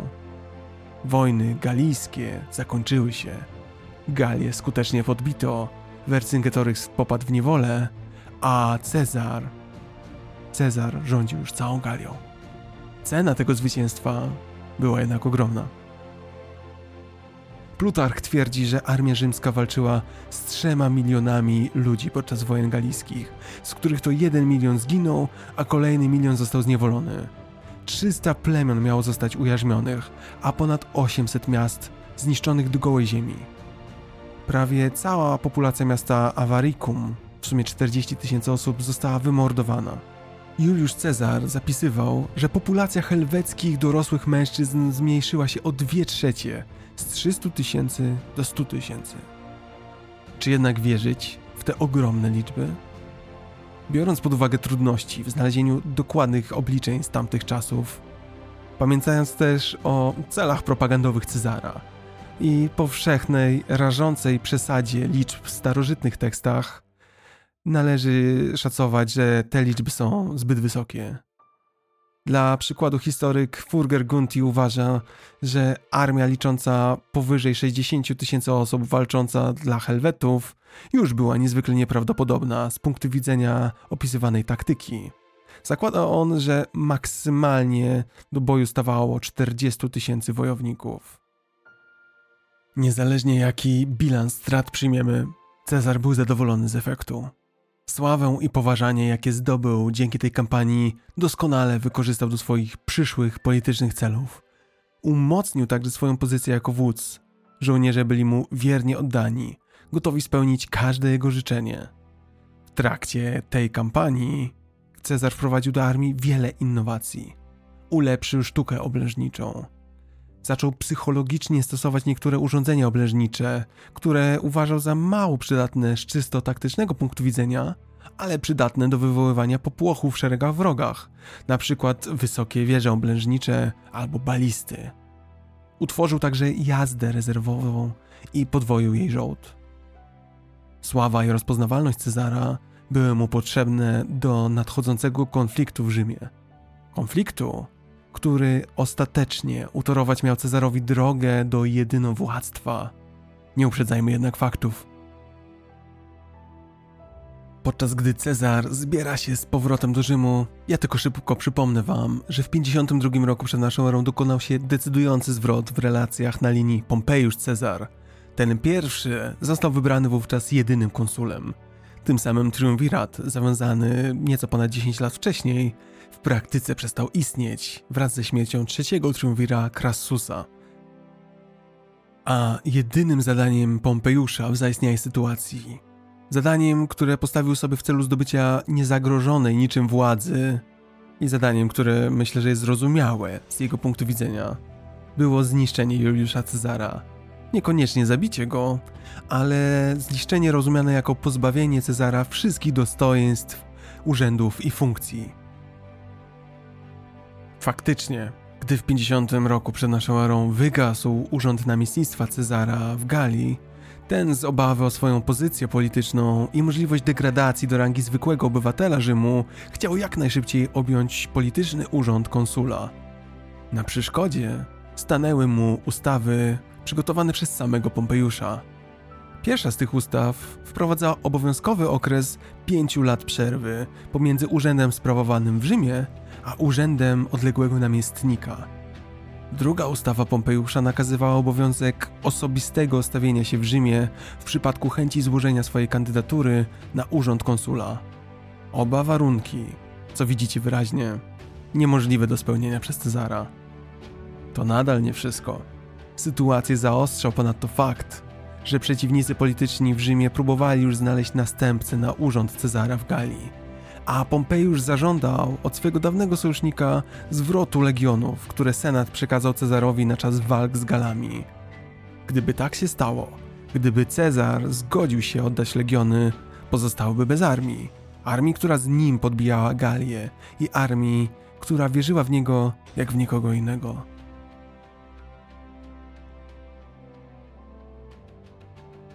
I tak powoli docieramy do punktu zwrotnego w życiu Cezara punktu, gdzie wszystkie ścieżki, którymi podążał, zaczynają zbiegać się w jednym miejscu, i punktu, gdzie będzie musiał podjąć bardzo istotne decyzje, które będą rzutować na historię całego świata. Cezar musiał bowiem zrobić coś, aby nie utracić wszystkiego, co do tej pory osiągnął tak wielkim trudem, tak wielką motywacją i tak wielkim poświęceniem. Zdesperowany próbował jeszcze przekupić stronników Pompejusza, Pompejusz jednak znał Cezara i wiedział, że ten może próbować właśnie ratować się łapówkami. Dlatego też Pompejusz obwołał się obrońcą Republiki i Senatu i zdobył w ten sposób przychylność większości rodów senatorskich, które zaczęły obawiać się potęgi Cezara. Cezar musiał zatem podjąć jakiekolwiek kroki. Niechęć do niego zaczęła narastać w Rzymie. Nie wiemy, jak długo Cezar zastanawiał się, co robić, jakie kroki podjąć, jakie czynności dokonać, aby nie utracić wszystkiego, co do tej pory osiągnął. To, co wiemy, to, co opowiada nam historia, to to, że gdy w końcu zaczął działać, robił to z chirurgiczną precyzją, z determinacją, a kroki, które podjął, były bardzo, bardzo skuteczne. Po pierwsze, pod koniec swojego namiestnictwa zmniejszył Galom wymiar daniny i przestał ingerować w ich wewnętrzne sprawy. Ten krok miał zapewnić przychylność Galów w przyszłości. Po drugie, swoim żołnierzom Cezar zapłacił ogromne sumy za walkę w Galii. Można powiedzieć, że wręczył premię. Od tej pory wydarzenia zaczęły toczyć się szybko. Senat w reakcji odwołał Cezara z namiestnictwa w trybie natychmiastowym. Pozbawił go także możliwości ubiegania się o urząd konsula zaocznie. Cezar wiedział, że pokorny powrót do Rzymu oznaczać już będzie tylko poddanie wszystkiego, co dotychczas osiągnął. Dlatego postanowił idę na konfrontację z Republiką. Postanowił zbrojnie wystąpić i wreszcie odsunąć od władzy wszelkich optymatów. Wiedział doskonale, teraz albo nigdy. Zwrócił się wobec tego do swoich żołnierzy, tych samych, z którymi stawał ramię w ramię w setkach bitew w Galii. Poprosił ich o wsparcie w przewrocie wojskowym w Rzymie. Żołnierze, choć oszołomieni, zgodzili się jednogłośnie, ufali Cezarowi bezgranicznie. Po tygodniach wspólnego marszu z Galii, Cezar na czele wojsk 9 stycznia 49 roku dotarł do rzeki Rubikon, rzeki, która stanowiła wówczas północną granicę Italii. Senat wprost zakazał Cezarowi przekraczania granicy tej rzeki. Cezar zatrzymał się nad samą wodą. Zatrzymajmy się i my. To bowiem moment historii, jakich naprawdę niewiele. Zastanawiam się, co musiał czuć wówczas Cezar, stojąc na brzegu Rubikonu. Jaka musiała być tego dnia pogoda? Jak długo stał nad wodą? Z kim rozmawiał? Wiemy na pewno, że długo zwlekał przed przekroczeniem rzeki. Rozważał wszystkie za i przeciw. Dyskutował z przyjaciółmi. Twierdził, że przekroczenie Rubikonu spowoduje rozlew krwi rzymskiej jak nigdy dotąd, a on tego nie pragnął. Wiedział jednak, że cofnięcie się o krok oznacza zaprzepaszczenie wszystkiego, w co wierzył, wszystkiego, czemu poświęcił swoje życie. Wszystkie jego starania byłyby dotąd namarne. Po godzinach rozważań, w pewnym momencie wypowiedział słynne słowa Alea i acta est. Kości zostały rzucone i wydał rozkaz przekroczenia rzeki z armią. Ów zwrot. Kości zostały rzucone. Od tej pory i chyba już na zawsze będzie oznaczać jedno: moment kluczowej decyzji. Decyzji, od której nie ma odwrotu, od której konsekwencji już się nie ucieknie.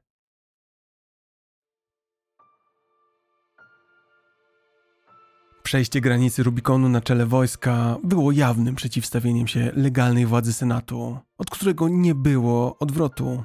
Rozpoczęła się trwająca kilka lat bellum civile, wojna domowa, wojna przeciwko Senatowi, ale również wojna przeciwko Pompejuszowi. Wojna, która stanowi ukoronowanie kariery Cezara. Na wieść o tym, że Cezar nadciąga z wojskiem, w Rzymie zapanowała panika. Wszyscy pamiętali dobrze rzezie za czasów Gajusza Mariusza. Panowało przekonanie, że tym razem również dojdzie do czystek. Sam Cezar nie napotykał dużego oporu na swojej drodze. Bez trudu zdobył miasto Korfinium, a broniącego go Domicjusza Echenobarbusa puścił wolno, dając mu nawet wojskową kasę. Cezar wiedział, że musi od początku jasno komunikować, dlaczego zbrojnie wkroczył do Rzymu. Dlatego szeroko głosił, że występuje w imieniu ludu rzymskiego, w imieniu obrony republiki, że walczy wyłącznie przeciwko zmowie rodów senatorskich.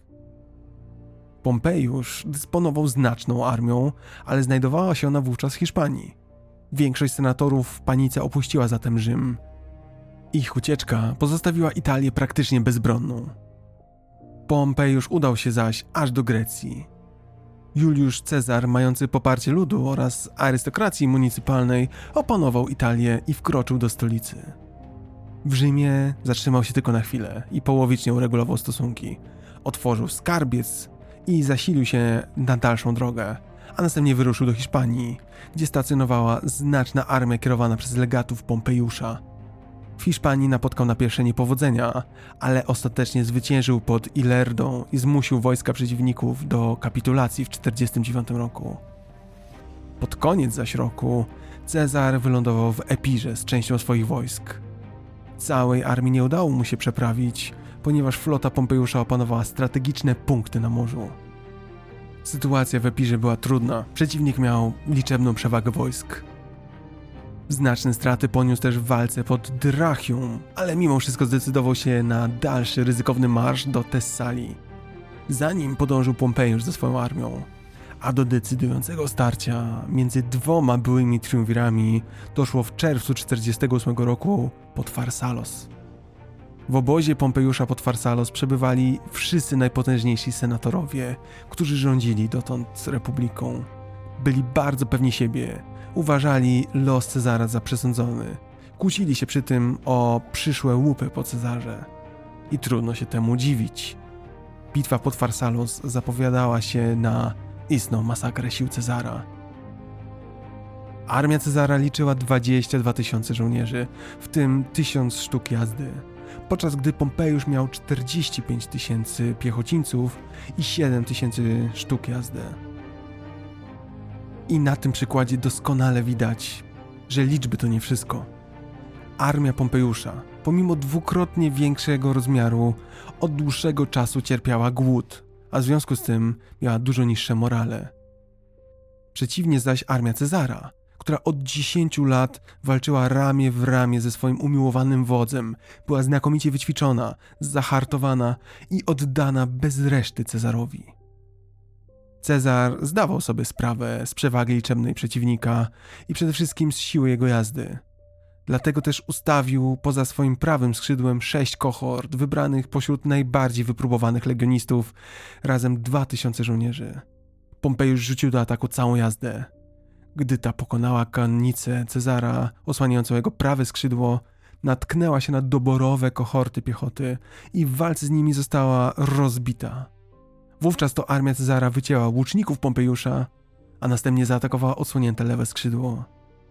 Bitwa zakończyła się całkowitą klęską sił Pompejusza. Bitwa pod Farsalos to majstersztyk taktyczny, analizowany zresztą do dziś. Najważniejsze jednak, bitwa pod Farsalos była punktem zwrotnym w losach całej wojny. Główny rywal Cezara w walce o stanowisko władcy państwa udał się do Egiptu. W drodze jednak został zamordowany z polecenia ministrów egipskich. I tak oto zakończyła się historia Pompejusza, niegdyś jednego z trzech triumvirów, teraz potajemnie zaszczylatowanego wygnańca z Rzymu. Ale pomimo śmierci Pompejusza, wojna domowa trwała aż do 45 roku przed naszą erą. W trzy dni po śmierci Pompejusza Cezar wkroczył do Aleksandrii, aby rozstrzygnąć dynastyczny spór pomiędzy Ptolemeuszem i jego siostrą Kleopatrą na korzyść Kleopatry. Ponieważ walki w Egipcie trwały kilka miesięcy, Nieobecność Cezara chcieli wykorzystać jego przeciwnicy. Farnaces, syn Mitridadesa, zajął Bitynię, która była prowincją rzymską. Cezar jednak szybko przybył do Azji, gdzie pokonał Farnacesa, a senat rzymski zawiadomił o tym zwycięstwie słynnymi słowami Veni vidi vici. Przybyłem, zobaczyłem, zwyciężyłem. I tak oto docieramy do ostatniego epizodu wojny domowej w Rzymie w okresie, gdy Cezar był zajęty sprawami na wschodzie, a następnie istotnymi kwestiami w Rzymie, jego przeciwnicy zgromadzili w Afryce silną armię, którą wspierał król numidyjski Juba. Wojskami tymi dowodził teść Ptolemeusza, Metellus Scypion, ale przywódcą ideologicznym był Katon młodszy. Po zwycięstwie Cezara w roku 46 Katon popełnił samobójstwo. I dopiero wtedy zakończyła się wojna domowa w Rzymie – Zarówno wojna o Galię, jak i późniejsza wojna domowa miały niesamowicie duże znaczenie w okresie przejściowym Republiki Rzymskiej do Cesarstwa Rzymskiego. Juliusz Cezar wyszedł z tych wojen zwycięsko, a nagroda, jaką dla siebie szykował, była adekwatna do wyczynu, jakiego dokonał. Była nią władza absolutna w Rzymie. Coś, co stało w jawnej sprzeczności z dogmatami, na których zbudowano Rzym, a zarazem coś, co było marzeniem Cezara, odkąd tylko stanął przed pomnikiem Aleksandra Wielkiego. Wojna domowa z lat 49-45. Choć formalnie pomiędzy Cezarem a Pompejuszem, w rzeczywistości była ostatnią odsłoną wojny domowej toczonej z niewielkimi przerwami od 88 roku pomiędzy popularami reprezentującymi masy ludowe i dążącymi do wzmocnienia uprawnień trybunów ludowych, a frakcją optymatów reprezentującymi arystokrację rzymską, usiłującymi wzmocnić władzę senatu kosztem uprawnień zgromadzeń ludowych. Gdy Cezar zwyciężył, rozpoczął się okres pełnego triumfu. Triumfu w postaci jedynowładztwa i dyktatury. Kiedy jeszcze prowadził kampanię w Hiszpanii, Senat, który wiedział, dokąd sprawy zmierzają, zaczął przyznawać Cezarowi honory. Cezar nie mścił się na swoich wrogach, zamiast tego przebaczał prawie wszystkim i nie było wobec niego poważnego publicznego sprzeciwu. Po powrocie Cezara do Włoch we wrześniu 45 roku musiał jeszcze dopilnować tylko jednej rzeczy: niejako ubezpieczyć się na przyszłość, ubezpieczyć swoje dziedzictwo. Jako, że nie doczekał się męskiego potomka, napisał testament, mianując Gajusa Octaviusa Turinusa, znanego później jako Oktawiana Augusta, głównym spadkobiercą i dziedzicem. Oktawian był wnukiem siostry Juliusza Cezara, zatem nie było to zbyt bliskie pokrewieństwo. W sytuacji Cezara jednak, który nie miał nikogo bliskiego w Rzymie, musiało to wystarczyć. Ponadto w testamencie Cezar pozostawił znaczny dar wszystkim obywatelom Rzymu. Kiedy zaś Cezar wreszcie powrócił do stolicy, do Rzymu, Senat wiedział, że należy przyjąć go należycie. To też przyznał mu najbardziej uroczyste triumfy za zwycięstwa, jakie dotychczas antyczny świat widział. Pozwólcie, że o triumfie opowiem więcej. Triumf to bowiem najwyższe rzymskie wyróżnienie, jakie mógł otrzymać wódz za swoje zwycięstwa na polu walki. Triumf trwał trzy dni. Wódz wkraczał do miasta na czele swoich wojsk. Uroczysty pochód podążał ustaloną trasą w stronę świątyni Jowisza, położonej na samym szczycie Kapitolu. Na początku szli członkowie Senatu i dostojnicy państwowi, następnie muzykanci. Wszyscy przybrani byli w wieńce. W dalszej kolejności niesiono zdobycze i wyobrażenia zdobytych krajów w formie obrazów oraz malowidła niektórych wydarzeń bitewnych. Niesiono wieńce dla wodza.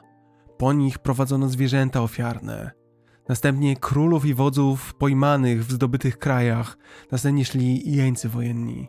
Bezpośrednio przed wodzem kroczyli liktorzy ubrani w purpurę, a także muzykanci i gromada ludzi z kadzielnicami.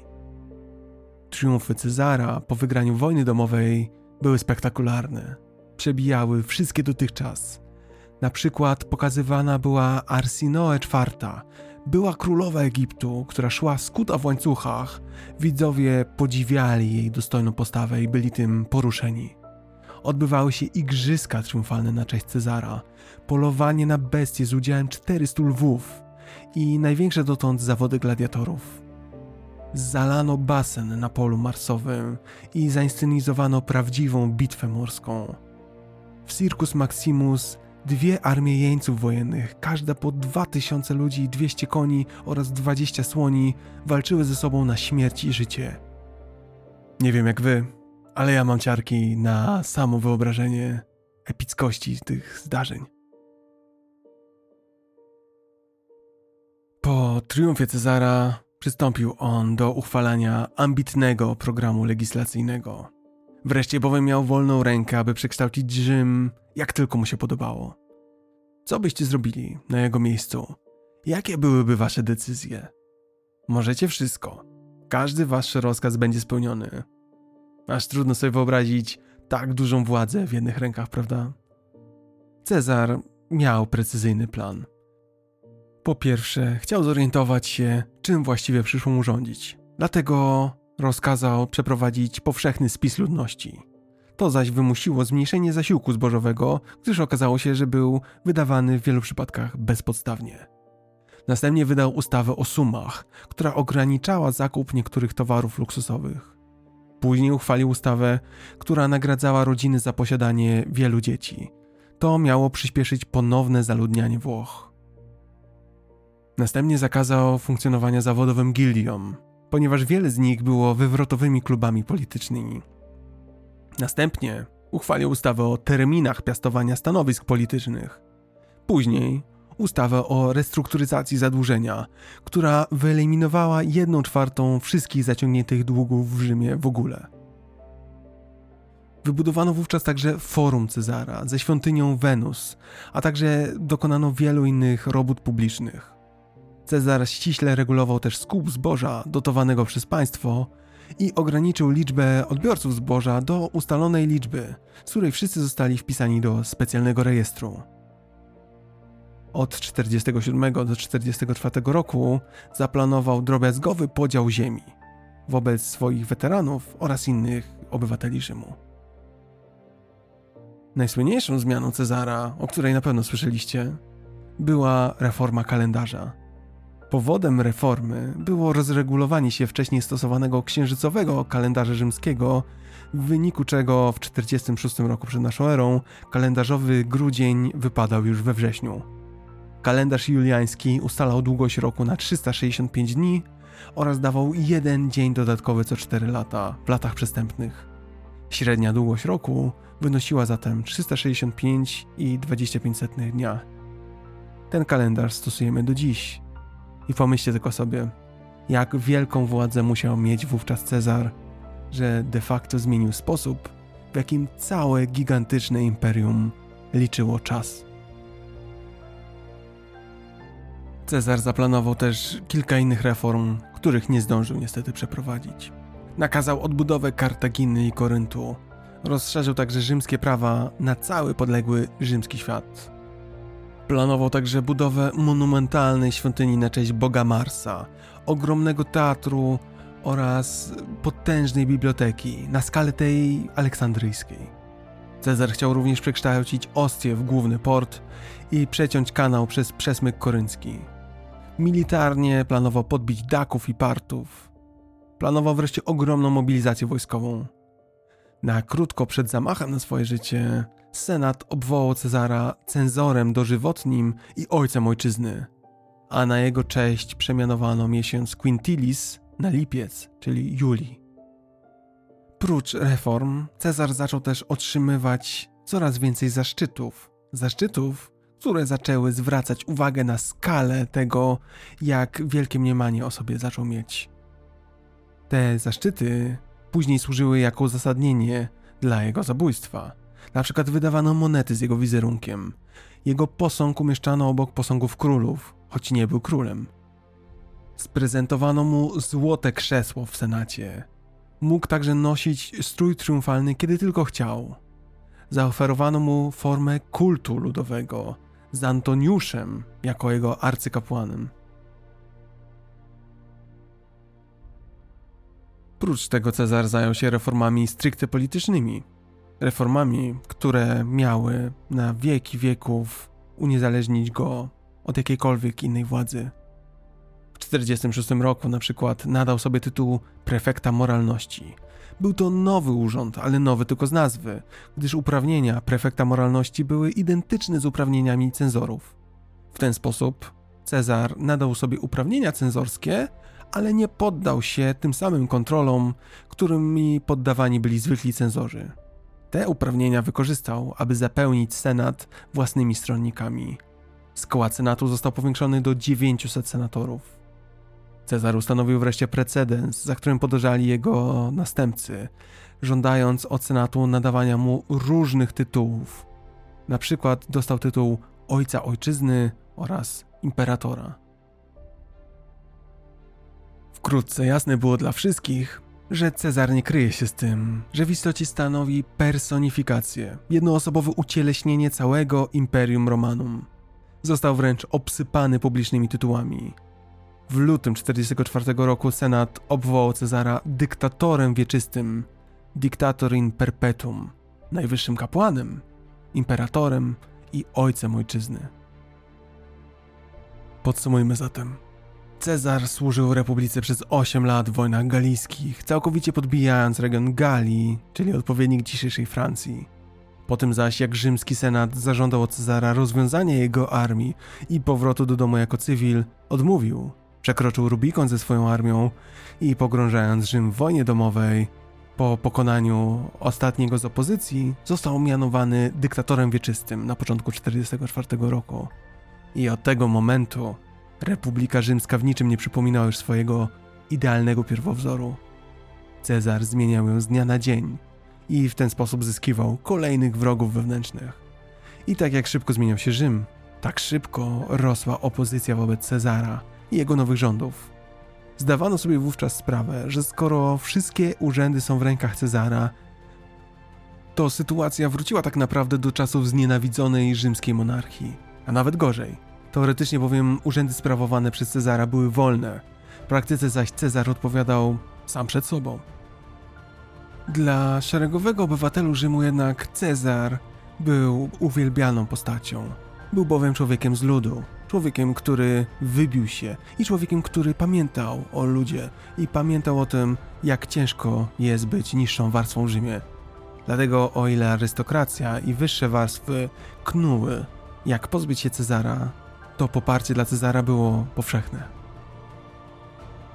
Jak to jednak w historii bywa, choć lud kochał Cezara, to wyższe sfery doprowadziły do celu, który sobie założyły. I choć przyczyn ostatecznego upadku Cezara były setki, to rzymski historyk Tytus Livius opisuje trzy incydenty, które miały miejsce od 45 do 44 roku jako najważniejsze przyczyny zabójstwa Cezara. Trzy ostatnie krople, które przelały czarę goryczy. Pierwszy incydent miał miejsce w grudniu 45 roku przed naszą erą. Według rzymskiego historyka Cassiusza Diona, po tym jak Senat przegłosował nadanie dużej grupy zaszczytu Cezarowi, senatorzy postanowili wręczyć mu je formalnie. Z procesją pomarszerowali jako delegacja do świątyni Wenus. Kiedy przybyli, zgodnie ze zwyczajem Cezar powinien był wstać, aby powitać senatorów, ale tego nie zrobił. Co więcej, Cezar na wieść o tym, że Senat przyznał mu dodatkowe przywileje, żartował, że jego honory należy raczej zmniejszać, a nie zwiększać, już ma ich tak dużo. Swoją bezczelnością, praktycznie odrzucając senatorski prezent i nie uznając obecności delegacji z należytą etykietą, Cezar sprawił wrażenie, że nie zależy już mu na Senacie. Wiadomość o tej potwarzy szybko rozprzestrzeniła się w Rzymie. Drugi incydent miał miejsce w 44 roku przed naszą erą. Pewnego dnia trybuni Gaius Marullus i Lucius Flavus odkryli, że ktoś potajemnie umieścił na głowie posągu Cezara na forum Romanum królewski diadem. Według Swetoniusza trybuni nakazali natychmiast zdjąć diadem, ponieważ był on symbolem rodziny królewskiej, a przecież Cezar nie był królem, a przynajmniej nie chciał sprawiać takich pozorów. Nikt nie wiedział, kto umieścił diadem, ale Cezar podejrzewał, że wspomniani trybuni, Marullus i Flavus, sami go umieścili na głowie posągu, aby mieć zaszczyt go usunąć. Sprawy nasiliły się niedługo po tym, gdy Cezar jechał konno do Rzymu przez Via Appia.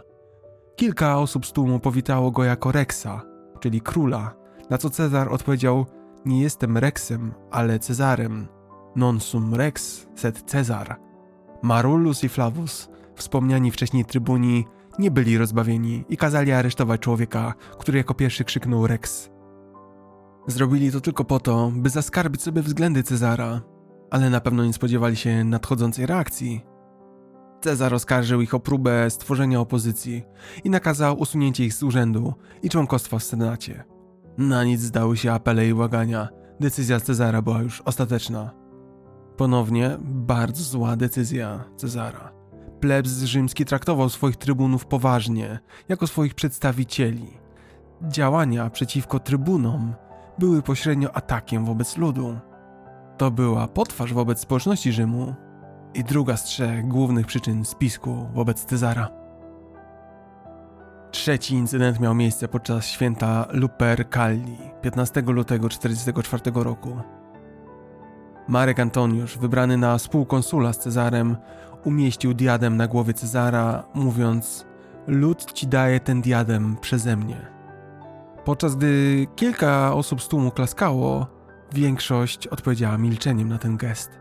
Cezar, widząc poruszenie wśród tłumu, zdjął diadem z głowy. Antoniusz ponownie go umieścił, tylko po to, by uzyskać taką samą milczącą odpowiedź od tłumu. Wreszcie Cezar odłożył diadem na bok i powiedział, że to ofiara nie dla niego, lecz dla Jowisza. Jowisz sam z Rzymian jest królem, powiedział Cezar, i to spotkało się z entuzjastyczną odpowiedzią tłumu. Dlaczego właśnie to uznaje się za trzecią przyczynę? Gdyż były wówczas poważne przysłanki, by wierzyć, że Cezar tak naprawdę sprawdzał reakcję tłumu, czy może już się koronować na króla, czy nie. Dopiero gdy po dwóch próbach, dwóch milczących próbach, miał pewność, że lud rzymski nie chce króla, to odrzucił diadem. Jasno bowiem widać było, że Cezarowi dalej było mało i czeka na dogodny moment na kolejny zaszczyt, na kolejny tytuł. Podsumujmy zatem. W ciągu zaledwie kilku miesięcy Cezar zlekceważył senat, usunął trybunów ludowych i bawił się monarchią. Długo i starannie hodował węża, który miał go śmiertelnie ukąsić. Rzeczywiście, w lutym narodził się spisek, który doprowadzić miał do jego zabójstwa. Spiskowcy byli nieliczni i bardzo dbali o to, aby wieść o ich knuciu nie wydostała się do opinii publicznej. Udało mi się jednak dostać za kulisy tego spisku. Jeśli jesteście ciekawi, zapraszam Was. Bądźcie tylko bardzo cicho. Najprawdopodobniej spisek mający na celu zamordowanie Juliusza Cezara zaczął się od spotkania Cassiusza Longinusa z jego szwagrem, Markusem Brutusem. Było to wieczorem 22 lutego 44 roku przed naszą erą, kiedy to po krótkiej dyskusji obaj zgodzili się, że coś trzeba zrobić, aby uniemożliwić Cezarowi zostanie królem Rzymian. Następnie dwaj mężczyźni zaczęli rekrutować kolejnych. Po co więcej spiskowców? Brutus wierzył, że aby zabójstwo Cezara było uważane za legalne usunięcie tyrana, dokonane dla dobra kraju, musiało obejmować dużą liczbę wysoko postawionych przedstawicieli polityki Rzymu. Tylko wtedy bowiem można byłoby mówić, że działali oni w imieniu Republiki. Brutus i spiskowcy próbowali znaleźć złowrogą, można by powiedzieć, równowagę.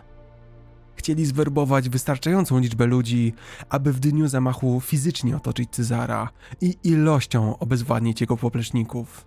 Jednocześnie chcieli znaleźć na tyle mało spiskowców, aby nie ryzykować, że spisek zostanie wykryty zanim dokona jakiegokolwiek ruchu. Spiskowcy przeprowadzali zatem najpierw selekcję.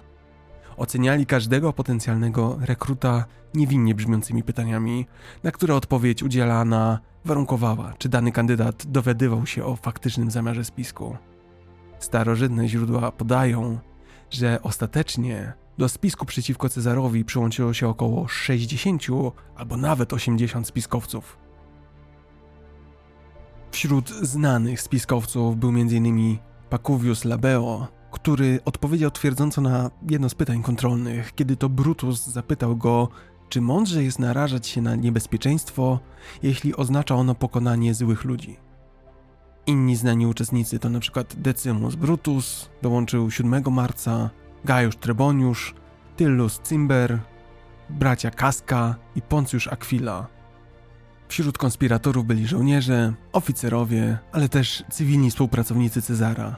I choć niektórzy przyłączyli się do spisku z powodu obaw związanych z autorytaryzmem Cezara, to wielu kierowało się własnymi, mocno osobistymi pobudkami, takimi jak zazdrość, czy poczucie, że Cezar nie wynagradza ich wystarczająco, albo na przykład, że dał zbyt wiele pieniędzy dla byłych zwolenników Pompejusza. Spiskowcy regularnie, potajemnie zbierali się w swoich domach w małych grupach i stopniowo opracowywali plan. Zastanawiam się, jak sam bym podszedł do tego zadania. Cezar był centralną figurą świata rzymskiego. Zamach na niego można by dziś porównać do zamachu na prezydenta Stanów Zjednoczonych. Zarówno waga tego czynu, jak i jego skomplikowanie są na porównywalnym poziomie. Spiskowcy długo debatowali, aż w końcu plan zaczął układać się w całość. Najpierw spiskowcy odrzucili dwóch wydawałoby się pewnych kandydatów do spisku. Pierwszym odrzuconym był Cyceron.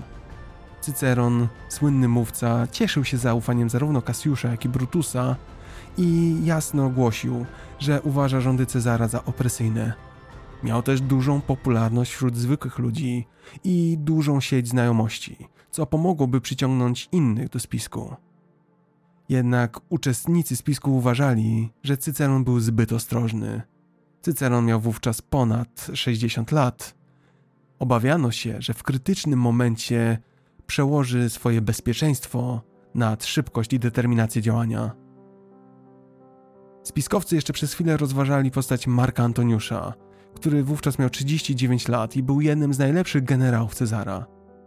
Wstępnie zgodzili się na jego werbunek, dopóki nie przemówił Gajusz Tryboniusz. Wyjawił on, że osobiście kontaktował się z Antoniuszem poprzedniego roku i prosił go o przyłączenie się do innego spisku mającego na celu zakończenie życia Cezara i Antoniusz wówczas tą propozycję odrzucił. Spiskowcy postanowili zatem nie werbować Antoniusza. Było zbyt duże ryzyko, że nie dość, że może ponownie nie przyłączy się do spisku, to jeszcze tym razem powiadomi o nim Cezara. Odrzucenie Antoniusza z grona zamachowców oznaczało jednak dodatkowy problem. Antoniusz był potężny z powodu swojej znajomości z żołnierzami oraz z uwagi na swoją pozycję polityczną. Jeśli Antoniusz nie miał do nich dołączyć, to musieli go zamordować, aby nie ingerował spisek, albo aby nie próbował sam w tym czasie uzyskać władzy, gdy miejsce po Cezarze się zwolni. Problem, co zrobić z Antoniuszem, zaczął dotyczyć jednak coraz większej ilości senatorów. Większość zaczęła nie zgadzać się na morderstwo Antoniusza. Na kanwie tych sporów spiskowcy podzielili się na dwie frakcje. Optymaci chcieli powrotu do stanu sprzed Cezara. To pociągałoby za sobą zarówno zabicie Cezara, jak i wszystkich ludzi wokół niego, w tym Antoniusza, a także cofnięcie wszystkich reform Cezara. Druga frakcja, dawni zwolennicy Cezara, nie godzili się na to. Podobały im się reformy Cezara i chcieli pozbyć się wyłącznie Juliusza Cezara. Nie chcieli czystki wśród zwolenników nowych porządków. Jednak nawet oni zgodzili się zabić Antoniusza. Z obiema tymi grupami nie zgadzał się samotny Brutus. Twierdził, że należy wyłącznie zabić Cezara, oszczędzić wszystkich innych i utrzymać w mocy wszystkie reformy Cezara. Brutus argumentował, że spiskowcy mają głosić, że działali w oparciu o zasady prawa, a zatem zabicie Antoniusza byłoby bezprawne, niesprawiedliwe. Co za tym idzie? Podczas gdy zabójstwo Cezara byłoby postrzegane jako zabicie tyrana, to zabijanie jego zwolenników byłoby postrzegane jedynie jako upolityczniona czystka i dzieło dawnych zwolenników Pompejusza. Jeśli zaś chodzi o reformy Cezara, to według Brutusa jeśli utrzyma się je w stanie nienaruszonym, to uzyska się poparcie ludu rzymskiego, który przecież żywił niechęć do Cezara za swoje próby mianowania się królem, a nie za pozostałe merytoryczne reformy. Reformy, które tak naprawdę poprawiały jakość życia przeciętnego mieszkańca Rzymu. Te argumenty przekonały pozostałych spiskowców. Rozpoczęło się planowanie zamachu na samego Cezara. On jeden miał paść z ręki niezadowolonych sojuszników. Spiskowcy wiedzieli dobrze, że to jak i gdzie zamordują Cezara ma ogromne znaczenie. Zasadzka w odosobnionym miejscu miałaby inny, mniejszy wpływ na opinię publiczną niż zamach w samym sercu Rzymu. Konspiratorzy mieli wiele pomysłów na zamach. Rozważali na przykład atak na Cezara, gdy ten by szedł via Sacra, świętą ulicą. Innym pomysłem było poczekanie z atakiem na niego podczas wyborów na nowych konsulów. Czekaliby wówczas, aż Cezar przejdzie przez most, przez który przechodzili wszyscy wyborcy w ramach procedury wyborczej, a następnie przerzucić go przez barierkę, wrzucić do wody, a w wodzie na Cezara czekaliby konspiratorzy ze sztyletami. jeszcze innym planem było zaatakowanie go podczas walki gladiatorów. Wreszcie ktoś wpadł na inny pomysł. A co jeśli spiskowcy zamordowaliby Cezara na jednym z posiedzeń Senatu? Ten plan rozwiązywał problem, który dotykał wszystkie poprzednie. Otóż, choć Cezar nie miał oficjalnych ochroniarzy, to zawsze prosił przyjaciół i bliskich, aby otaczali go publicznie. To sprawiało, że Cezar zawsze poruszał się w mniejszym lub większym tłumie, a konspiratorzy obawiali się, że przyjaciele Cezara mogą wtrącić się do zamachu. To zaś po pierwsze mogłoby uniemożliwić zabicie Cezara, a po drugie zakończyć się krwawą jatką. I to był właśnie problem w przypadku wszystkich poprzednich scenariuszy. Jednakże do Senatu, miejsca szczególnej czci, mieli wstęp tylko senatorowie, a zatem Cezar był tam bez jakiejkolwiek ochrony. Dodatkowo, zabójstwo tyrana na oczach Senatu nie będzie postrzegane jako spisek polityczny, ale jako szlachetny czyn dokonany w imieniu Rzymu. Spiskowcy ostatecznie zdecydowali się właśnie na ten plan. Rozpoczęło się zatem wybieranie konkretnego dnia. Cezar miał opuścić Rzym 18 marca, aby rozpocząć kampanię wojskową przeciwko Partom. Ostatnie posiedzenie Senatu przed tą datą odbywało się trzy dni wcześniej, 15 marca, w Idy Marcowe, więc spiskowcy wybrali ten dzień jako dzień zamachu. Idy Marcowe to święto hucznie obchodzone na cześć rzymskiego boga wojny Marsa. Wtedy to odbywały się parady wojskowe i przegląd wojsk. Wedle zachowanych relacji, w dniach poprzedzających Idy Cezar przeczuwał, że coś chyba jest nie tak. Na przykład według starożytnego historyka Plutarcha, na krótko przed zamachem do Cezara zwrócił się Haruspik z ostrzeżeniem. Haruspik to pogański kapłan, który zajmował się wróżbami z wnętrzności zwierząt ofiarnych. I ów Haruspik, czyli tak naprawdę wróżbita, ostrzegł Cezara, aby strzegł się id marcowych. Cezar zignorował to ostrzeżenie, ale był lekko zaniepokojony tą wróżbą. Ponadto 1 marca Cezar obserwował Cassiusa rozmawiającego szeptem na posiedzeniu Senatu. Powiedział wówczas do swojego doradcy: Jak myślisz, co kombinuje Cassius? Strasznie blado wygląda. Dwa dni przed zamachem Cassius spotkał się ze spiskowcami i powiedział, że od tego momentu nie ma już odwrotu. Jeśli ktoś odkryje ich plan na tym etapie, mają skierować swoje noże przeciwko sobie. Pozostało już tylko czekać. Gotowi? Ułóżmy się zatem do snu. Jutro, 15 marca 44 roku, zmienimy historię. Rankiem spiskowcy oraz ci niewtajemniczeni w spisek spotkali się przed obradami w senackim domu Pompejusza, mieszczącym się w teatrze Pompejusza. Było to nietypowe miejsce. Zazwyczaj senatorowie spotykali się na Forum Romanum, ale Cezar akurat przeprowadzał remont forum, więc senatorowie spotykali się w innych miejscach rozsianych po całym Rzymie, w tym właśnie w teatrze. W teatrze odbywały się igrzyska gladiatorów, a Decimus Brutus, który był właścicielem kompanii gladiatorów, umieścił kilkunastu z tych wojowników w portyku Pompejusza, czyli czymś w rodzaju dużego ganku prowadzącego do teatru. Zrobił to celowo. Jeśli wybuchłaby walka w obronie Cezara, gladiatorzy mogli interweniować. Jeśli zaś Cezar by został zabity, ale spiskowcy byli zaatakowani, gladiatorzy mogliby ich chronić. Ponieważ zaś nie można było wejść do domu senatu bez przejścia przez portyk, gladiatorzy mogli w razie potrzeby zablokować wejście. Senatorzy weszli zatem do teatru i czekali na przybycie Cezara. Mijały minuty, ale on nie przychodził.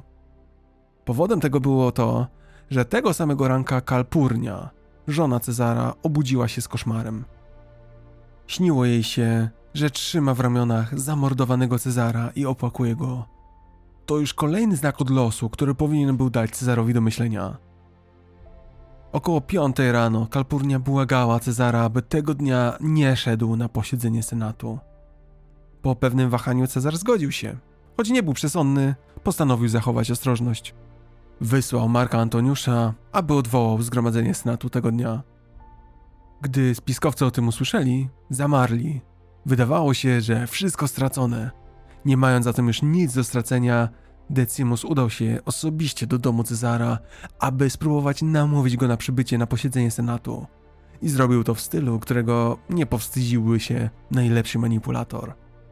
Otóż Decimus wszedł Cezarowi na ambicje. Ambicje, z której Cezar był znany.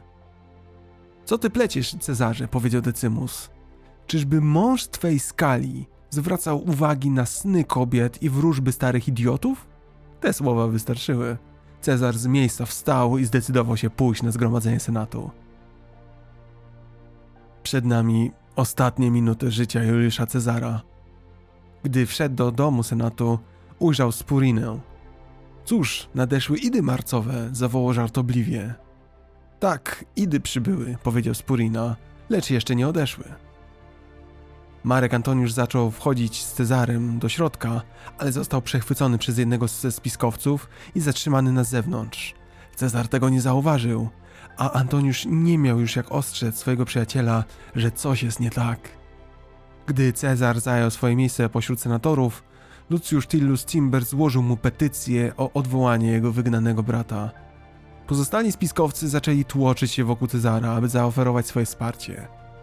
Cezar, chcąc odesłać Cimbera, machnął na niego ręką, ale Cimber złapał Cezara za ramiona i ściągnął jego togę mu z ramion, drąc ją. Cezar oniemiały krzyknął: Toż to przemoc! Istakidem vis est! Takich występków jeszcze Senat nie widział. Ale najgorsze było dopiero przed Cezarem. Gdy wybuchło potworne zamieszanie, Kaska wyciągnął sztylet, co zauważył Cezar. Szybko odwrócił się i złapał Kaskę za ramię. Według Plutarcha powiedział wtedy po łacinie Kaska, złoczyńco, co ty robisz? Kaska, przestraszony, krzyknął Pomocy, bracia! I w ciągu kilku chwil cała grupa spiskowców, łącznie z Brutusem, dobyła swoich sztyletów. Nie minęło kilka sekund, gdy niczym watacha wilków dźgali raz po raz dyktatora. Cezar próbował zbiec, ale zalany krwią w oczach potknął się i upadł. Mężczyźni tymczasem nadal dźgali go sztyletami raz po raz. Po chwili Cezar już nie bronił się. Leżał w coraz większym bezruchu na schodach. Po kilku minutach było po wszystkim. Cezar nie żył. Zapewne spodziewacie się teraz, że powiem, że ostatnimi słowami Cezara było legendarne i ty, Brutusie, przeciwko mnie. To jednak wcale nie takie oczywiste. Ostatnie słowa Cezara są przedmiotem licznych sporów wśród uczonych i historyków. Swetoniusz sam mówi, że Cezar nic nie powiedział, umarł w milczeniu. Inni dziejopisarze pisali, że ostatnie słowa Cezara to greckie wyrażenie Ty też, moje dziecię? Skąd zatem słynne et tu brute contra me? Otóż występuje ono jedynie w sztuce Szekspira, Juliusz Cezar. Nie występuje nigdzie indziej w starożytnych źródłach. Można powiedzieć, że Szekspir, jak na dramaturga przystało, dodał trochę emocji do ostatnich chwil Cezara. Po śmierci Cezara doliczono się 23 ran. Swetoniusz relacjonuje, że lekarz, który przeprowadzał sekcję zwłok Cezara, ustalił, że tylko jedna rana, druga w klatce piersiowej, ta, która przebiła aortę, była śmiertelna. Ten raport z sekcji zwłok, notabene najwcześniejszy w historii raport z sekcji zwłok, opisuje, że śmierć Cezara była w większości związana z utratą krwi z ran kłutych. Wedle Plutarcha, Bezpośrednio po samym zamachu Brutus wystąpił naprzód, jakby chciał powiedzieć coś swoim kolegom senatorom. Oni jednak, zapewne dlatego, że dotarło do nich, co się właśnie stało, w panice uciekli z budynku. Brutus i jego towarzysze spiskowcy przemoszerowali zatem przez miasto i krzyczeli: Ludu Rzymu, znów jesteśmy wolni. Spotkali się jednak z milczeniem. Obywatele Rzymu zamknęli się w swoich domach, gdy tylko zaczęły się rozchodzić pogłoski o tym, co się wydarzyło. Według Swetoniusza po morderstwie wszyscy spiskowcy, widząc niepokój społeczny, uciekli. Ciało Cezara leżało nietknięte przez jakiś czas, aż w końcu trzech zwykłych niewolników położył go na noszach i zaniosło do domu, do żony. Tej samej żony, która jeszcze rankiem ostrzegała go przed tym właśnie losem. Z perspektywy tak odległej historii dość łatwo deprecjonować, jak ogromne znaczenie dla przeciętnego Rzymianina miało zabójstwo Cezara. Aby zatem opisać was, co właściwie ono oznaczało, znalazłem i przetłumaczyłem świadectwo Wergiliusza. Sposób, w jaki zapisał owe wydarzenia, dobrze pokazuje, jak niesamowitym wstrząsem musiało być zabójstwo Juliusza Cezara dla Rzymian. Oddajemy zatem głos Wergiliuszowi. Któż ośmiela się powiedzieć, że słońce jest fałszywe? Ono i nikt inny ostrzega nas, gdy grożą mroczne powstania, gdy zdrada i ukryte wojny nabierają sił. Ono ulitowało się nad Rzymem w dniu śmierci Cezara, kiedy zakryło swój blask mrokiem i ciemnością.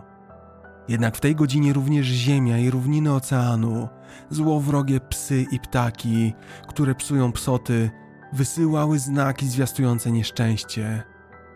Jak często na naszych oczach Etna zalewała pola cyklopów strumieniem ze swych rozerwanych pieców, rzucając na nie kule ognia i stopione skały. Tego ponurego dnia Alpy zakołysały się trzęsieniem ziemi, Głos zagrzmiał przez ciche gaje, aby wszyscy mogli go usłyszeć. Ogłuszający głos, a w zapadającej ciemności widać było widma nieziemskiej bladości. Przerażenie poza słowami. Bestie wypowiadały ludzką mowę.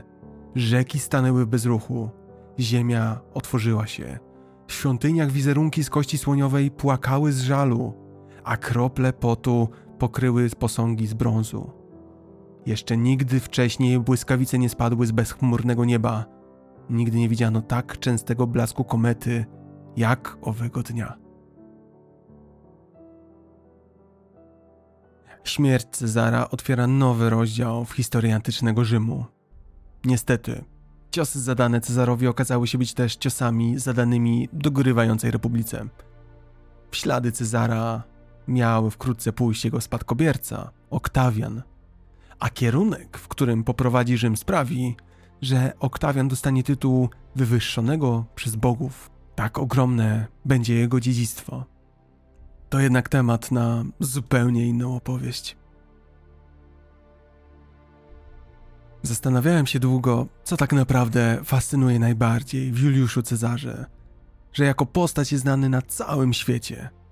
Mam kilka przemyśleń, ale jestem bardzo ciekaw waszych. Po pierwsze, Cezar był uparty i konsekwentny. Kiedy przybył do Galii, był zadłużony, miał ze sobą jedynie imponujące wykształcenie literackie i wyboistą karierę polityczną, ale w żadnym wypadku nie był uważany wówczas za wybitnego dowódcę generała. Przez następną dekadę budził się każdego dnia i próbował wymyślić sposób, w jaki sposób mógłby rozerwać polityczną strukturę Galii i odbudować ją tak, aby wszyscy odpowiadali przed nim – jest to tym bardziej fascynujące, że Galia nigdy nie była celem samym w sobie dla Cezara. Bardziej niż cokolwiek na świecie, Juliusz Cezar chciał być w samym środku akcji w Rzymie, ale wiedział, że musi ujarzmić Galię, aby zdobyć pieniądze i doświadczenie, których potrzebował, aby stać się najlepszym w historii. Myślę sobie, że to była jego najważniejsza cecha dalekosiężne myślenie, zdolność do poświęceń. Po drugie, Cezar był inspirujący i to dla wszystkich. Politycy byli oczarowani jego głosem. Nawet Cyceron pisał, że Cezar był jednym z najlepszych mówców. Wiedział on, jak wzmocnić morale swoich żołnierzy w trudnych, żmudnych kampaniach. Na przykład, pewnego razu, gdy jego legion lękał się starcia z germańskim wodzem Ariowistusem, chodziły bowiem legendy o waleczności jego barbarzyńcych wojsk, to Cezar zebrał swoich dowódców i powiedział, że rozumie ich strach. Nie zmusza nikogo do walki. Jednakże kolejnego dnia on sam będzie maszerować na czele 10 legionu. Każdy inny jest zaproszony do walki, ale kto się boi, ten może wracać do Rzymu. Nie muszę chyba mówić, że do walki ramię w ramię z Cezarem stanęły wszystkie legiony. Po trzecie i najważniejsze, Cezar był niesamowicie odważny i nie lękał się ryzykować. Począwszy od ofensywnych, niemalże lekkomyślnych posunięć w Galii, aż po konfrontację z prawie 50-tysięczną armią Pompejusza, mając zaledwie 22 tysiące własnych żołnierzy, Juliusz Cezar nigdy nie bał się stawiać wszystko na jedną kartę. Niektórzy mówią, że Cezar miał po prostu bardzo dużo szczęścia. Ja się z tym nie zgadzam. Prawdą jest, że Cezar nie bał się rzucać kostką raz po raz.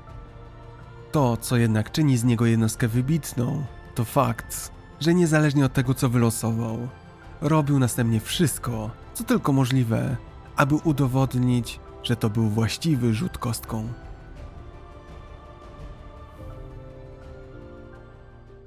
Moi drodzy, bardzo dziękuję za wysłuchanie. Będę wdzięczny za subskrypcję na YouTube, nawet jeśli słuchacie na Spotify albo innych aplikacjach. Jeśli macie chwilę, zostawcie proszę recenzję na Apple Podcasts albo komentarz na YouTubie.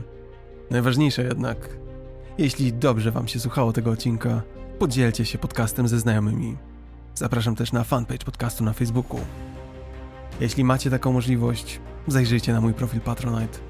Za nawet najdrobniejsze wsparcie pięknie dziękuję. Każdy wasz gest to dla mnie sygnał, to dla mnie paliwo, to dla mnie moc, abym dalej pracował nad podcastem i aby podcast stawał się coraz lepszym. Dziękuję wszystkim wspierającym patronom, w tym anonimowym. Wymieniam was w opisie odcinka. Pamiętajcie, że jesteście częścią tego, co tworzę i jestem wam za to bardzo, bardzo wdzięczny. Do usłyszenia, dobrego dnia, cześć.